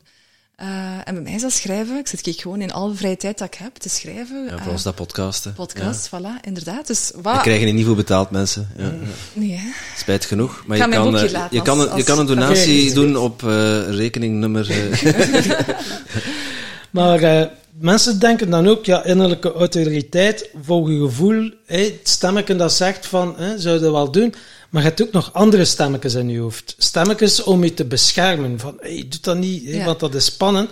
Hoe maak jij het onderscheid van uh, wel stemmetje dat je innerlijke autoriteit is en wat dat je ego, of hoe dat het ook wilt noemen, eh, stemmetjes? Want je hebt de innerlijke criticus, je hebt zoveel verschillende stemmetjes in je hoofd. Timo Eh, Hans noemde de Muppet. Hè? ja, de Muppet, ja, bijvoorbeeld. Het de wijze uil in zijn hoofd en de Muppet. Ja, ja, ja, ja, ja, ja, Of inderdaad. het engeltje en het duiveltje. Ja. eh. Ehm, wel, het is natuurlijk, hè, je zegt, u, volg je gevoel. Hè, dat is ook al een moeilijke, hè, want inderdaad, is het uw intuïtie of is het uw emotie? Hè? Dus, Ja. die, eh, dus dat zijn ook twee verschillende dingen. Eh, en het is natuurlijk de intuïtie. En dat kan natuurlijk niet als je niet uitgaat van, allee, wat ik hier zeg, van hè, dat innerlijk kompas. Voor mij hangt dat 100% samen met het grotere plaatje. Hè? Dus van, eh, de, van, we zijn hier niet alleen, we zijn hier om een reden. Eh, we hebben een soort van zielencontract getekend om hier een bepaalde rol te vervullen. En we zijn die aan het vervullen. En het, eh, dus de innerlijke autoriteit is ook ja, binnen de gesocialiseerde wereld, hè, dus waar dat we zijn in terechtgekomen en waarvan dat we lang gedacht hebben dat dat de wereld was. Maar dat we nu ontdekken dat dat eigenlijk maar ja, het theater is, hè, waarin dat we ehm, figureren. Eh, dat we toch leren ontdekken van oké, wie ben ik onder de acteur? Hè? Wie, wie, wie ben ik echt? Ehm, dus ik ben een acteur in, in mijn leven, en maar steeds meer gaan samensmelten met die acteur. Hè? Dus uw werkelijke identiteit vinden en daar, daarmee samensmelten. En dat kan alleen maar dus door u te herinneren wie dat je zijt. Hè? Dus die, dat zielencontract waar ik vanuit ga dat we dat ooit hebben afgesloten, levenscyclus na levenscyclus. Ehm, Ik denk als je met regressie werkt, dat je daar ook wel van uitgaat. hè. Eh, dat dat zo eh, gebeurt. Dat we dan door de sluier der, der vergetelheid gaan en daarvan niks meer weten als we op de aarde komen. Maar in mij is dat, en dat is iets dat de laatste twee jaar ook in een stroomversnelling zich heeft ontwikkeld, dat was voordien al een beetje aanwezig, maar de laatste twee jaar is dat echt iets dat zich eh, met een duidelijkheid en een zekerheid heeft gemanifesteerd die voordien ongekend was voor mij op dat vlak. Ehm, Zou dat ook te maken hebben nu met die hogere vibratie, Ja, hè? de hogere trilling, Ja, ja. meer mensen die wakker worden en ontwaken? Ja. En, eh, ja, en voordien, allee, ik zeg het, ik was dat door de eigenlijk... 5G komt, eigenlijk. Eh, ik was al bezig met ehm, ja, zo persoonlijke ontwikkeling, hè, maar, maar zo dat, de verdieping sinds corona. En de- inderdaad, zoals ik, ze- ik vergelijk het zo, in mijn kruin die zo open splijt en dan... pff, dat is zo'n stroom van inspiratie daardoor, ook om te schrijven, maar ook gewoon een soort van zekerheid, waarmee dat ik plots weet hoe dat ik ja, in het leven sta en wat dat mijn rol hier is. En die zekerheid is voor... Allee, dat, en dat, is geen, dat heeft niks met religie te maken, want allee, dat is iets dat ik nog niet verteld heb, maar ik heb eigenlijk een... Allee, religie is voor mij pure macht. Eh, dat is, zoals ik gezegd heb, de kerken waren de universiteiten van vroeger. En ik heb daar ook een, voorgeschiedenis in. Hè. Dat zou ons misschien toch naar de podcast van drie uur leiden, waar dat we gezegd hebben dat we niet gaan naartoe gaan. Maar eh, ja, mijn eigen moeder hè, heeft tien jaar in het klooster gezeten. Hè. Dus die heeft eh, een voorgeschiedenis als, ehm, als non. En die is ontsnapt uit dat klooster. Hè. Dus dat is... Uh, ontsnapt dan nog? Ja, als een gevangene. Echt uit het slotklooster. Hè. Ja, dus die, En dat is echt een heel heroïsch verhaal. Want dat is in de jaren 60, 65 denk ik, van de vorige eeuw. Zij was dus, daar onvrijwillig? Ja, zij was daar zo uh, half geofferd door haar eigen uh, moeder, die zeer gelovig was. En in die tijd, in de jaren 50, was dat zo bon ton in de gelovige families, dat er minstens één iemand uh, ja, werd geofferd aan de religieuze stand. En dus zij is daarin gegaan. Ze zegt dan wel nu, om haar moeder een beetje goed te praten, dat dat haar eigen keuze was. Maar ja, ze is toch maar gewoon weggelopen. Dus ze werd daar eigenlijk echt mishandeld en als slaaf gebruikt. Dus dat oh. is ook wel iets dat in mijn mijn blauwdruk in dit leven zit, hè, dat ik gezien heb wat dat dan met iemand doet. Mijn moeder is daar heel getraumatiseerd uitgekomen, heeft dat nooit kunnen verteren. Dat ze, ze zit daar mentaal nog altijd in. Dus, allee, dat kader had ik al. Hè, en dan kom ik in de universiteit, waar ik mijn eigen kader krijg. Dus het is, was gewoon een, een soort van herhaling. Um, en dan kom ik nu in de coronatijd, waarin dat, dus ik had eigenlijk heel lang een afkeer van religie en alles wat daarmee te maken had, omwille van die voorgeschiedenis. En sinds corona is daar een, een heel grote interesse ontstaan, waar ik ineens naar boeken ge, geleid over ja, aartsengel Michael en over het esoterische christendom. En ik dacht, what the fuck, jong. En dan zie je ook, dat, ook daar die perversiteit, als je dat begint te lezen, want ik, ik had eerst de weerstand om dat te lezen, maar ben dan toch beginnen lezen. En dan soms tot tranen toe, dat ik dan zat te lezen, dat is echt uh, fenomenaal. Wat dat, hoe dat, dat dan werkt, hè, voorbij uw verstand. Uh, want, maar dat je voelt van, dat is die innerlijke autoriteit, van ik voel dat ik dat moet doen, ik ga dat doen, ik ga dat lezen. En dat pakt mij, dus er is daar iets. En dan zie je ook dat heel die kerkgeschiedenis uh, puur een perversie is, uh, perversie is van de, werk, van ja, de werkelijkheid niet, maar van de oorspronkelijke leer. Hè. Wie zal zeggen wat de werkelijkheid is, maar van de oorspronkelijke leer die gebaseerd was op vrijheid, gelijkwaardigheid, eh, onder andere van man en vrouw, hè, maar ook gelijkwaardigheid van alle mensen. Dat was helemaal geen machtsdenken, maar de kerk heeft daar een machtsdenken van gemaakt en heeft dan nu de laatste 2000 jaar in onze conditionering diep in onze cellen geprint. Dus wij hebben allemaal, of we het nu willen of niet, die kerkelijke geschiedenis in onze cellen. Um, ik nog meer vanuit mijn persoonlijke geschiedenis. Hè. Carl Jung zegt, hè, je hebt het collectief onderbewuste en het persoonlijk onderbewuste. Wij, bij mij zitten er alle twee super dik in. Um, bij jullie, en bij de meeste mensen zit er gewoon het collectief onderbewuste. Maar dat, dat wil wel zeggen dat we, er, dat we vanuit dat kader naar de realiteit kijken. En dus daar, hè, hoe meer dat je die kaders gaat zien, hoe meer dat je ook voelt van, ah ja, oké, maar ik kijk vanuit een bepaalde, vanuit een bepaald iets, bepaalde ogen kijken daarnaar en zien dat ik dat niet ben. Ja. Dus dat is dan die innerlijke autoriteit, dat is dat innerlijk weten. En dat is, dat is het verschil tussen geloven en weten. Ik heb daar ooit een keer een, een lang artikel in een, in een, in een tijdschrift over geschreven. Um, van geloven naar weten. De kerk zei van, je moet geloven wat wij zeggen. Dus opnieuw externe autoriteit. Je moet die leer geloven, want zo is het geweest. En als je dat niet gelooft, dan beland je in de hel. ja. En, uh, en als je grote muil uitsmet of op de brandstapel. Ja. Voilà. Ja, ja. En mensen waren doosbang. Hè, in, uh, in de, ja, want in de middeleeuwen ze dat echt. Dus, uh, ja. Ja, en, en maar ook uh, die hel en, en al dat daar rond. Dus dat mensen waren, allee, ja, inliepen in de pas.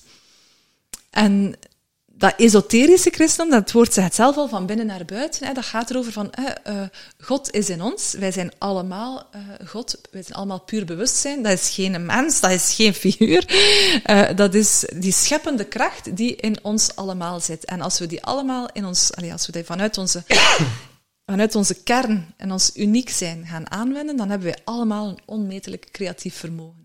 Ja, seksuele kung fu, zoals uh, uh, Reinhard Ele, Eleveld het noemt.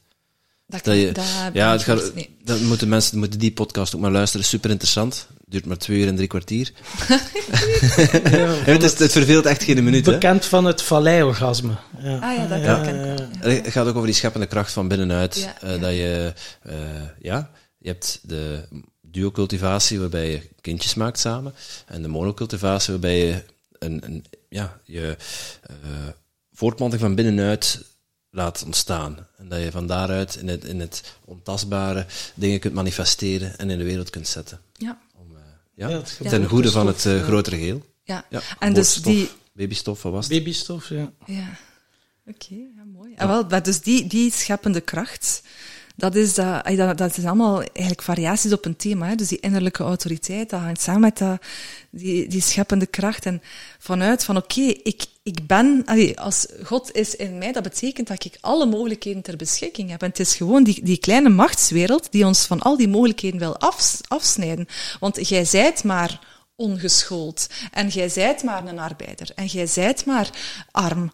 En jij zijt maar, um, ja, een loonslaaf. En jij zijt maar uh, van, ai, maar je bent maar dik, en je bent maar dun, en je bent maar dit, en je bent maar dat, en lelijk en schoon, en whatever. Dus we worden zodanig gereduceerd tot elementen van ons uiterlijke leven. Um, en en uh, waardoor, waardoor dat mensen ook het geloof gewoon verliezen om meer te zijn dan dat. Um, ja, dus dat is het contact maken met dat ruimer bewustzijn. En ik zeg niet dat die leefomstandigheden geen, geen rol spelen, hè, want als je puur echt alle dagen struggelt om te overleven, dan kom je, moet je ook niet afkomen met spirituele, spirituele bullshit. Ja, ja. Ah, Daar zijn mensen niet, niet echt altijd mee geholpen. Dus je hebt eerst die basis, dat is de piramide van Maslow. Hè. Je ja, hebt je basis je nodig om, om verder te kunnen groeien. Hè. Dak boven je hoofd. ja. Eten, geen zorgen maken om eten. Geen... Ja, het is leven van hieruit. Hè, want ik las het overlast van in de totale bereidheid uh, je te laten raken en je hart te laten breken, kan ontdekt worden dat de pijn die je zo vreesde uh, niet je vijand is, maar het voertuig terug naar huis. Dat wordt filosofisch. Ja. Ja, ik kreeg het hier binnen, joh. Ja, Het was een download. Het was wat op je gsm voor te lezen, man. Ik moest nog iets kunnen downloaden en er stond nog iets wachtend. En uh, ja, dit dan naar mijn deur op mijn slaapkamer. Ik vond uh, ja, gewoon een tekst. Ik heb het afgeprint en ik dacht, ja, dat is wel de essentie uiteindelijk. Om het, van hieruit, maar ja, ben je ook wel bereid, er moet bereidheid zijn. Je moet wel een prijs betalen. Ja, en nogmaals, ik, dat woord moeten gebruik ik niet graag. Iedereen, je moogt. Ja, je, moogt. Weet je, je kiest het, ervoor, volledig vrij. Je kiest ervoor. Uh, Mag ontmoeten. Voilà, ja, inderdaad. Maar, je bent volledig vrij om dat te doen, want niemand moet dat doen. Moet. Dat is puur een vrije keuze. Maar je hoeft het niet te doen, maar er moet wel bereidheid zijn. Maar nee, zelfs dat niet. Als je, dan, als, ah ja, als je dat niet wilt, ja. dan, dan, ja, dan moet er ja. juist, moet juist niks. niks moet juist iets, stoppen. Ja. Het is wel zo, als je echt wilt, allee, ja, uh, denk als je, allee, van nu, soms hè, zie je nog altijd, nu zoals ik al zei, mensen naar buiten kijken van wie gaat er hier ons eindelijk wanneer redden, en dan zie je de hoop uh, gelegd worden in bepaalde mensen of uh, organisaties. En ja, dan denk ik wel, je gaat het toch zelf moeten doen. Als, ja. je, het echt, als je echt verandering wilt, ga je het, als je het wilt, ga je het zelf moeten ja. doen. En daar zit de crux, hè. En ik zei dat wel vaker in onze podcast ook, van mensen willen verandering. Uh, wie wil de verandering? En dan steken er een hele hoop mensen hun hand op. En dan, als je dan de vraag stelt, wie wil er veranderen? Ja. dan is het stil. En daar, daar zit Tom zijn bereidheid. Als je wilt veranderen, ja, dan moet er wel bereidheid zijn. Dat klopt. Hè? Maar als je niet wilt veranderen, ja. dan moet je juist niks. Als je verandering wilt. Ja. ja. Maar dan hebben wij, hebben wij wel het volste recht om volop tegen schenen te schoppen. En tegen, allez, om, om mensen ja, letterlijk wakker te schudden. Hè? Maar dan in de zin van, mannetjes, hè, uh, want het is natuurlijk, je kunt niet gewoon de boel de boel laten en zeggen van ja, weet je, iedereen doe maar wat. Hè? Uh, want allee, onze kinderen en kleinkinderen zullen wel de dupe zijn van hoe dat wij de wereld achterlaten. Dus hoe dat, allee, of, of uh, of, uh, of de, zonder profijt uithalen hè, of niet. Dus het kan in twee kanten. Dus in die zin voel ik wel de verantwoordelijkheid, niet alleen naar mijn eigen kind, maar ook naar alle toekomstige generaties. Van ik voel dit nu, dus ik ga hier het maximale doen in mijn leven om te leven volgens mijn waarheid. En als iemand anders een andere waarheid heeft, mag je gerust tegenover stellen. Maar ik ga vanuit mijn, ja, mijn kennis van allee, mijn politicoloog, hè, dus wetende een beetje hoe dat politiek in elkaar zit, hoe dat macht in elkaar zit, vooral mijn eigen ervaring met macht, um, voel ik dat het hier mijn rol is om macht, um, machtsstructuren in vraag te stellen en dat te doen op een uh, verbindende en uh, liefdevolle en um, humoristische, ja, humoristische manier. Ja. Hele, mooie, hele mooie boodschap ook. Hè? Ja. Dank u. Ja. Een hele mooie missie ook vooral. En dat ben ik nog, allee, dat is iets dat maar, ja, gewoon de laatste twee jaar echt is duidelijk geworden. Daar word je gelukkig van, neem ik aan. Ja. En onze podcast gaat heel toevallig over geluk en succes. Dat is de rode draad voor onze podcast. Uh, ik ben wel benieuwd, hoe, hoe zou jij geluk definiëren? Geluk, uh, geluk is inderdaad als je, ja, als je dat, als je leven kunt leiden vanuit zelfrealisatie. Hè? Dus dat, alles wat ik tot nu toe zei van die innerlijke autoriteit ontwikkelen. Dus hangt een beetje samen naar geluk en succes. Wat is een succesvol leven? Een succesvol leven is voor mij een leven waarin dat je jezelf hebt kunnen zijn. minstens de tweede helft van je leven. dus, weet je, dus dat je, want... Um, je weet niet wanneer je op de helft zit, hè, mensen, dus uh, misschien kunnen we wel beginnen. Hè. ja, of, of, of al is het maar een derde of uh, een, een honderdste, maar als je toch... Die momenten van, ik ben mezelf en ik, ik, um, ik leef volgens wat ik voel dat waar is, dat juist is, dat rechtvaardig is. En ik, ik ben geen slaaf van God nog gebod, van, van, van wat dat iemand mij ook zegt. Voor mij is dat geluk, is vrijheid, maar in zijn meest, uh, in zijn meest verbindende vorm. Dus niet de hedonistische vrijheid van ieder doet zijn goesting ten koste van de rest. Nee, uh, in NLP noemen we dat ecologisch. Hè? Dus mm met zorg voor de omgeving. Um, dus als ik hier pleit voor vrijheid, dan is dat voor vrijheid van, van het mens zijn op zich, omdat ik het zo ervaar dat het leven iets anders is dan wat men er wil van maken.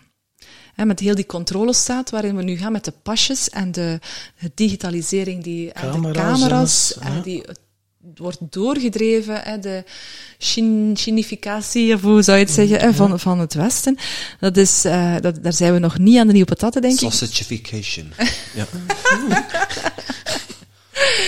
ja, we zijn nog niet aan de nieuwe saucissen, inderdaad. Dus, um... oh, blijf maar gaan. Ja. Ik zie een fantastische scheurkalender al voor me. De worstkaasbenadering. Dat is mooi, jongen. Ja. De ketchup en ajuin benadering. Ja, inderdaad. ja. Nee, ja, dus dat... Allee, um, kijk, haalt er mij nu altijd uit. Ja, sorry, dat kan dat niet laten. Je had het, uh, ik weet het ook niet meer. Nu ben ik het echt kwijt. Je had het over geluk. Je was ja, geluk, wat ja, geluk, bij jou geluk, is. is. In de chinificatie. Geluk, en is beginnen misgaan. In, geluk is in de juiste woord... Nee, in de, in de juiste worst zitten, maar nee, dat is het ook niet. Dat is, geluk is gewoon uh, weten dat het leven meer is dan al die worsten. Dat is gewoon... Um, het leven voorbij de worst. Ja. nee, uh, om het even terug um, naar betere ernst Behapbaar te maken. niet, niet te ernstig, dat kunnen we niet zo goed tegen namelijk. Dan krijg je dan van die rode vlekken in onze nek als het serieus wordt. Uh, maar ja, ik heb het gezegd, hè. geluk is ja. uzelf kunnen zijn. Uh, omdat dat... Allee...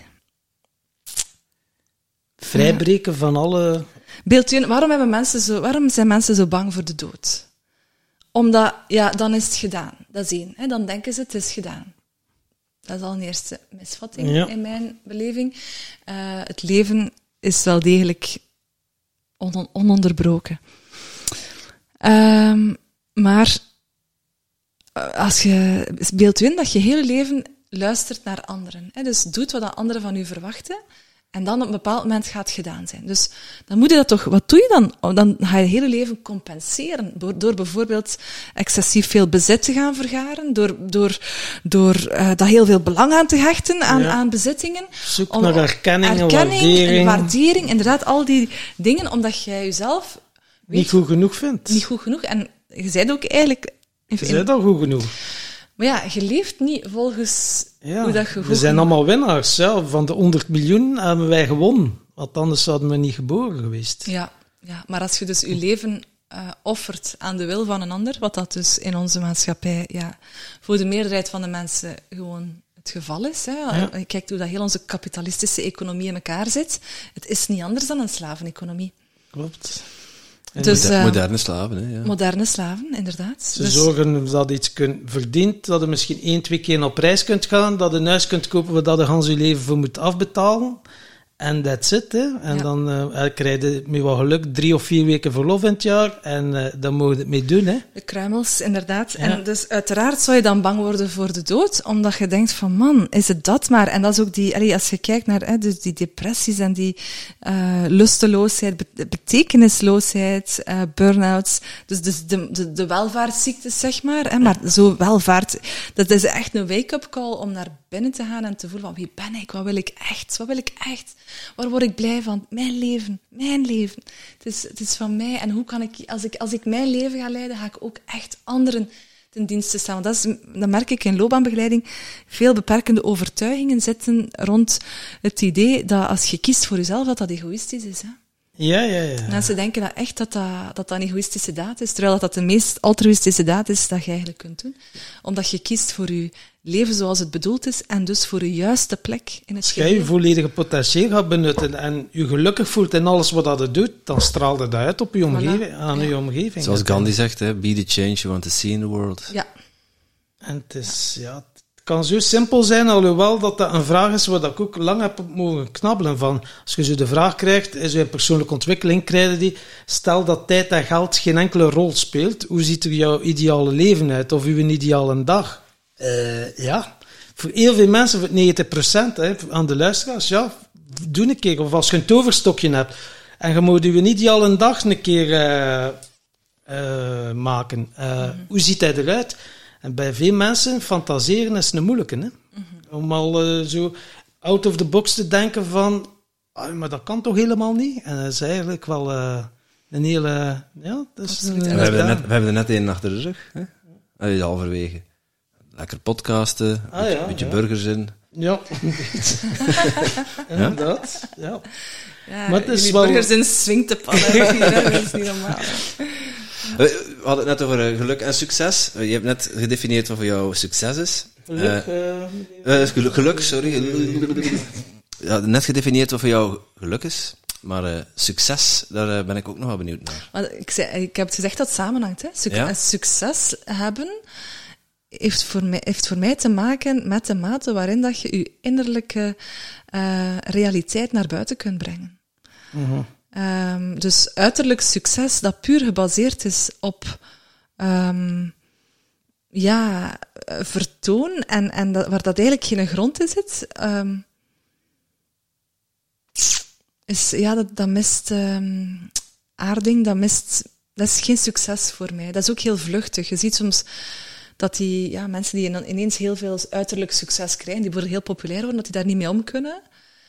Uh, dus de, de vraag is inderdaad van, het is, het is altijd van die beweging van binnen naar buiten gewoon. Van, um, ja, uiterlijk succes is ook meestal om een leegte op te vullen uiteindelijk. Ah, als je dat nodig hebt, ja, behoefte. Dan, ja. En, uh, als, als je voelt van, ik heb dat nodig, dan is dat uh, inderdaad een compensatie voor iets. Ja. Als je voelt van, ja, maar allee, het is niet zo van dat succes iets vies is, in tegendeel. Nee. Hè, want uiterlijk succes mag er zeker terugkomen. Als je, en als dat stroomt van binnen naar buiten en van buiten naar binnen, dat, allee, zo in één vloeiende beweging, dan, dan um, dan is dat prachtig. Dan is er overvloed, hè? En ja. het is zo bedoeld, denk ik, hè? om, als het inderdaad stroomt, om daar succesvol mee te zijn, omdat leven inderdaad overvloed is. Ja.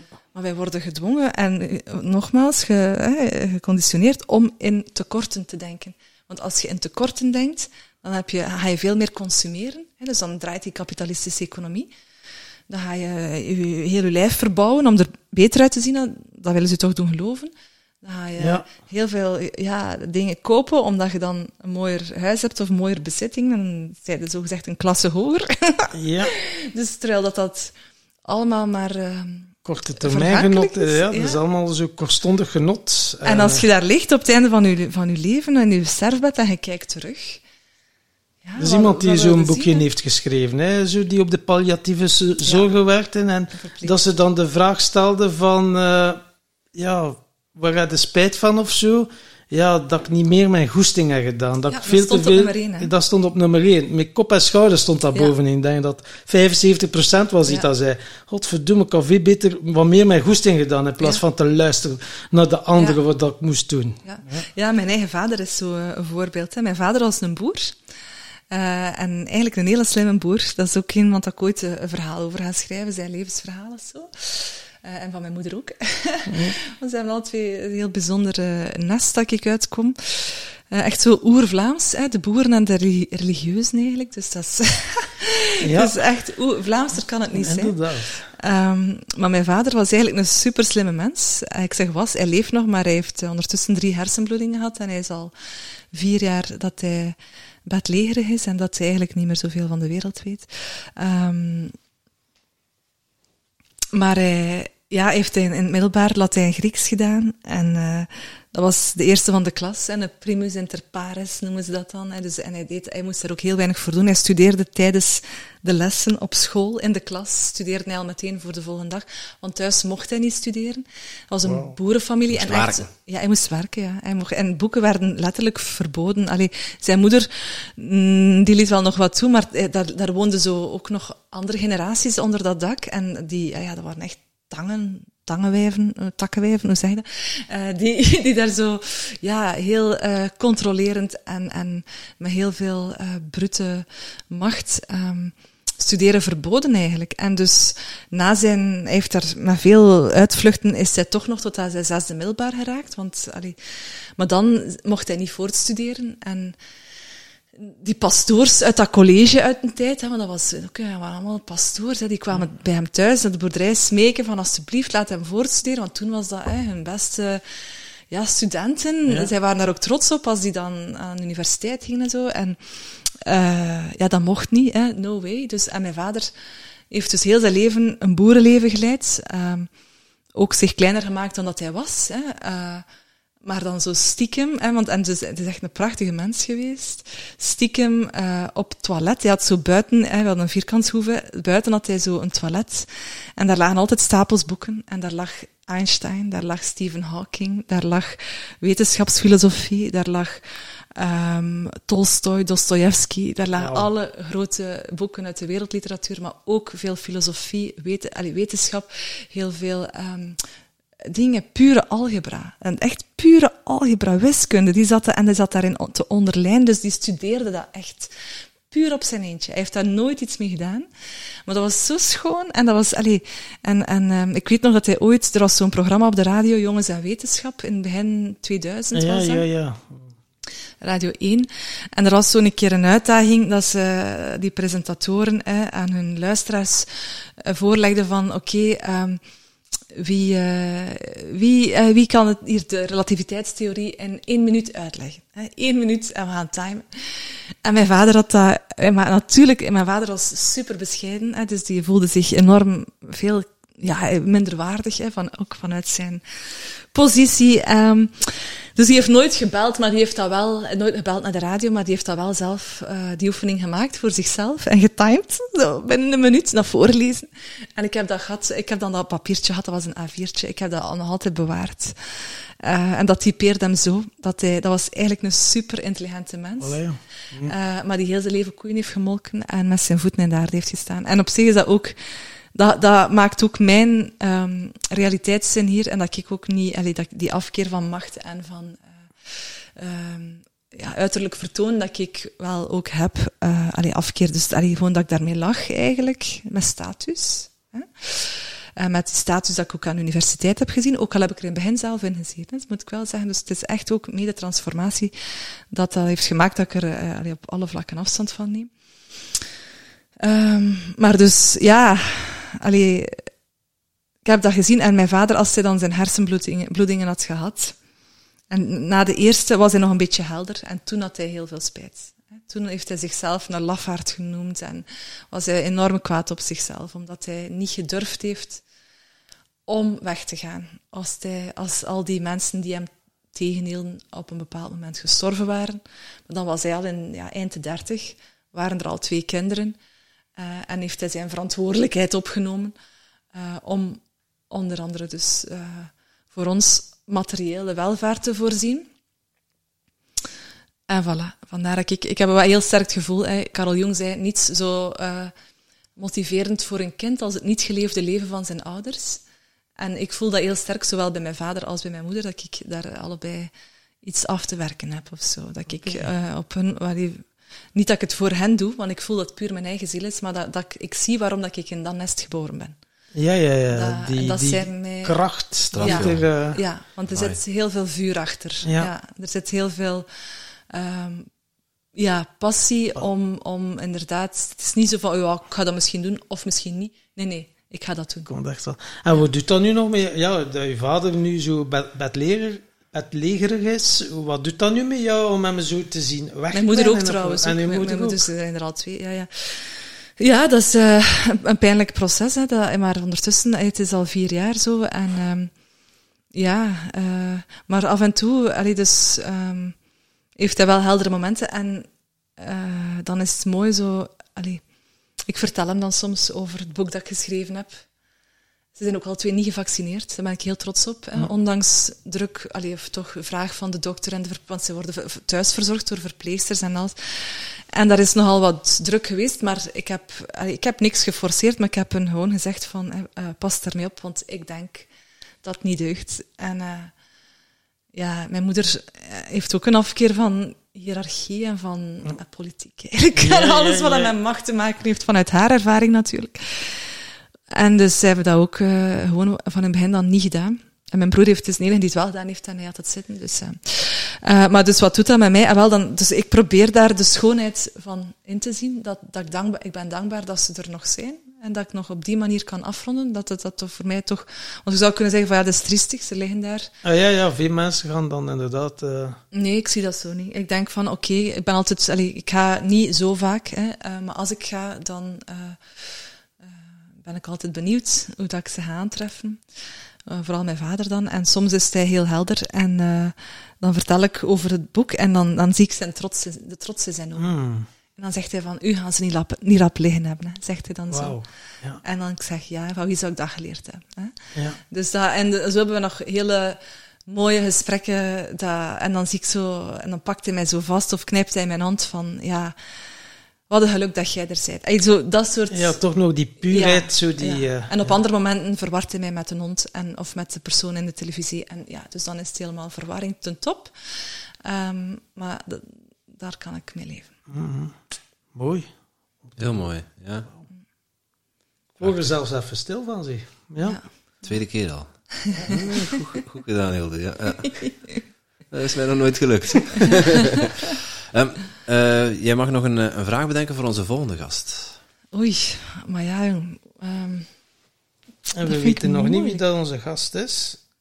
Eh,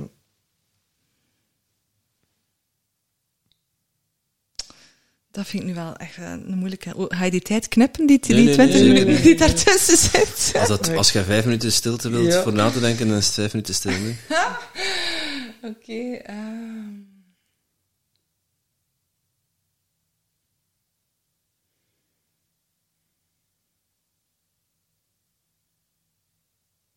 moet er een heel belangrijk... Hoe langer dat ik wacht, hoe belangrijker dat die vraag gaat moeten zijn. Eh, Precies, ik moet hier snel iets zeggen. dat man. is dat, ja, belangrijkheid is wat dat er zelf van kleeft. Hè. Ja, dat is eh, Eh, ik, ja... ehm, kan een vraag überhaupt belangrijk zijn. ehm, ik, gewoon de, de, de vraag die met mij opkwam is, wie ben jij? Oké. Dat, dat is gewoon... Voilà, dat is een mooie. De, de, de eenvoudigste vraag, maar tegelijk ook de moeilijkste. Ja. Ja, Wie ben je? Ik vind dat een, fan- ik vind dat een fantastische vraag. Ja. dat hebben we nog nooit gevraagd aan een gast. Nee, ja, Nee? het is Mooi. Vooral is de eerste keer. Wie ben jij? Ja.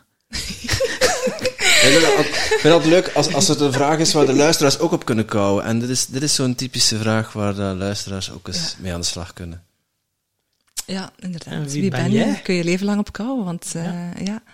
is Ben je er al achter gekomen wie dat dus. jij bent? Ik heb hier denk ik, hoop ik, eh, Ja, een ik tipje van de ook. sluier Ja. proberen op te lichten. En ik ben ook eh, in volle ten- evolutie permanent. Dus als Ja. je mij binnen een paar jaar opnieuw vraagt, wie weet. Ja. Maar er is wel een basis die, die, eh, die er altijd is geweest, denk ik, en die er altijd zal zijn. Hè, maar die, de uitingsvormen zijn misschien anders, of het, de emotie is anders er rond, of weet niet, ja, de fase is anders, dus het zal de uitwerking ook. Ja, maar je zielsmissie en C blijft Ja. wel ergens... eh, ja, Ja. Het is, ja, je hebt hier maar één ding te doen uiteindelijk. En, dan, omdat, en gaat gans je leven de tijd om het te ontdekken wat dat hier te doen hebt en wat dat je uniek talent Ja, is. en ik voel allee, meer en meer zo, hè, waar dat ik nu, nu het doseren en het coachen en het, dus dat ik daar ik wil meer ruimte maken voor het schrijven. En echt omdat ik meer voel, mijn ziel wil ook schoonheid brengen. En daar zitten in die gedichten en die teksten. Maar liefde, humor, maar dat is vooral ook schoonheid. Omdat schoonheid raakt het hart. En of dat dan nu via taal is. En sommige mensen kunnen dat met, met muziek maken, zang. Of met uh, schilderijen. Of met lekker brood bakken. Hè. Uh, dat zit zeker niet alleen in de klassieke kunsten, zeg maar. Maar ik word zo blij als ik uh, de juiste woorden vind die in mij, met mijn ziel resoneren. Dus dan, en ja. dan, dan uh, is dat voor mij schoonheid. En dan, ja, en als je daar mensen mee kunt raken ja. en, en ook geraakt worden uiteindelijk ja. door de reacties die je krijgt, ja, dat is denk ik dan samenvattend de essentie van het leven, die puurheid. Mag ik nog een dichtje lezen als ja, laatste? Heel mooi. Om, uh, misschien, misschien leuk om eerst te vertellen waar mensen uh, meer over jou kunnen vinden of over het boek. En dan sluiten we af met een mooi gedichtje. Ja, dat is dus Homo Sanitarians in de perversiteit. Um, en dat is in alle, via alle Vlaamse en Nederlandse boekhandels te bestellen.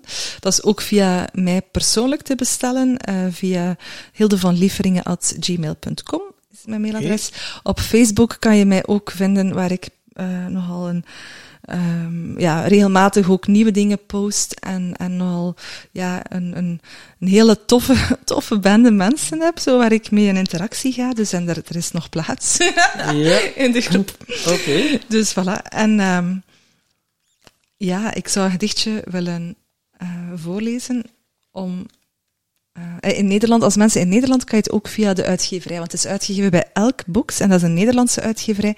Je kan dat vanuit Vlaanderen ook daar bestellen, maar dan moet je wel een beetje dure verzendingskosten betalen. Dus meestal in Vlaanderen is het beter om het in Vlaanderen te bestellen, maar in Nederland uh, bij de uitgever. Wat is voor jou het interessantst dan ze bestellen persoonlijk bij jou? Of uh, verdien je daar meer of minder aan? Uh, ik verdien daar meer aan, maar ik moet er dan wel ook mee naar de post gaan en zo. Ah ja, oké. Okay. Ah, ja. Mensen moeten wel iets meer verzendingskosten betalen, maar dan krijgen ze wel een persoonlijke boodschap. Ah ja, maar in, met dus. die duizenden luisteraars dat we hebben, dan gaan we nogal wat persoonlijke boodschappen moeten schrijven. maar ik heb wel nog wat boeken. Aper is de pen, hè, Tom. Dus, ja, uh. Maar ik... maar ik, ik, ik, organiseer ook regelmatig boekvoorstellingen. Uh, ik heb er al een paar georganiseerd. En zo overal te landen in Vlaanderen ga ik zo'n ja. beetje... En waar kunnen mensen dat vinden, waar um, je te gast bent? Ah, wel, ja. Um, ik, ik, uh, maar ik, ga, ik, ben, ik heb een website, maar ik ga coachandwrite.be is dat, maar ik ga uh, waarschijnlijk binnenkort een nieuwe site maken. Um, maar op mijn Facebookpagina vinden mensen meestal wel... Okay. De recentste. En ik kan nu zeggen, ik weet niet wanneer dat die podcast... Binnen een week of zes, zeven. Ah ja, nee, dan heeft het geen zin dat ik uh, dat nu al zeg, want dan is het al voorbij. Ja. Um, voilà. Dus ik ga... Maar dus als ze bij mij bestellen, uh, krijgen ze het zeker ook toegestuurd. Oké. Okay. Ik wou een gedichtje leven, lezen over uh, de liefde die het laatste woord krijgt omdat ik hier ook, dat zullen dan ook mijn laatste woorden zijn. Dat is mooi. Je, jouw e-mail zetten we in de show notes, dus moeten mensen nu niet de auto tegen de vangrails parkeren, dus uh, om te noteren. Uh, Oké. Okay. Uh, wacht, hè. Ik heb hier een inhoudstafel, maar ja, vind dat dan een keer eens, zeg. Wacht, ja. hè. Um... 241 kansen.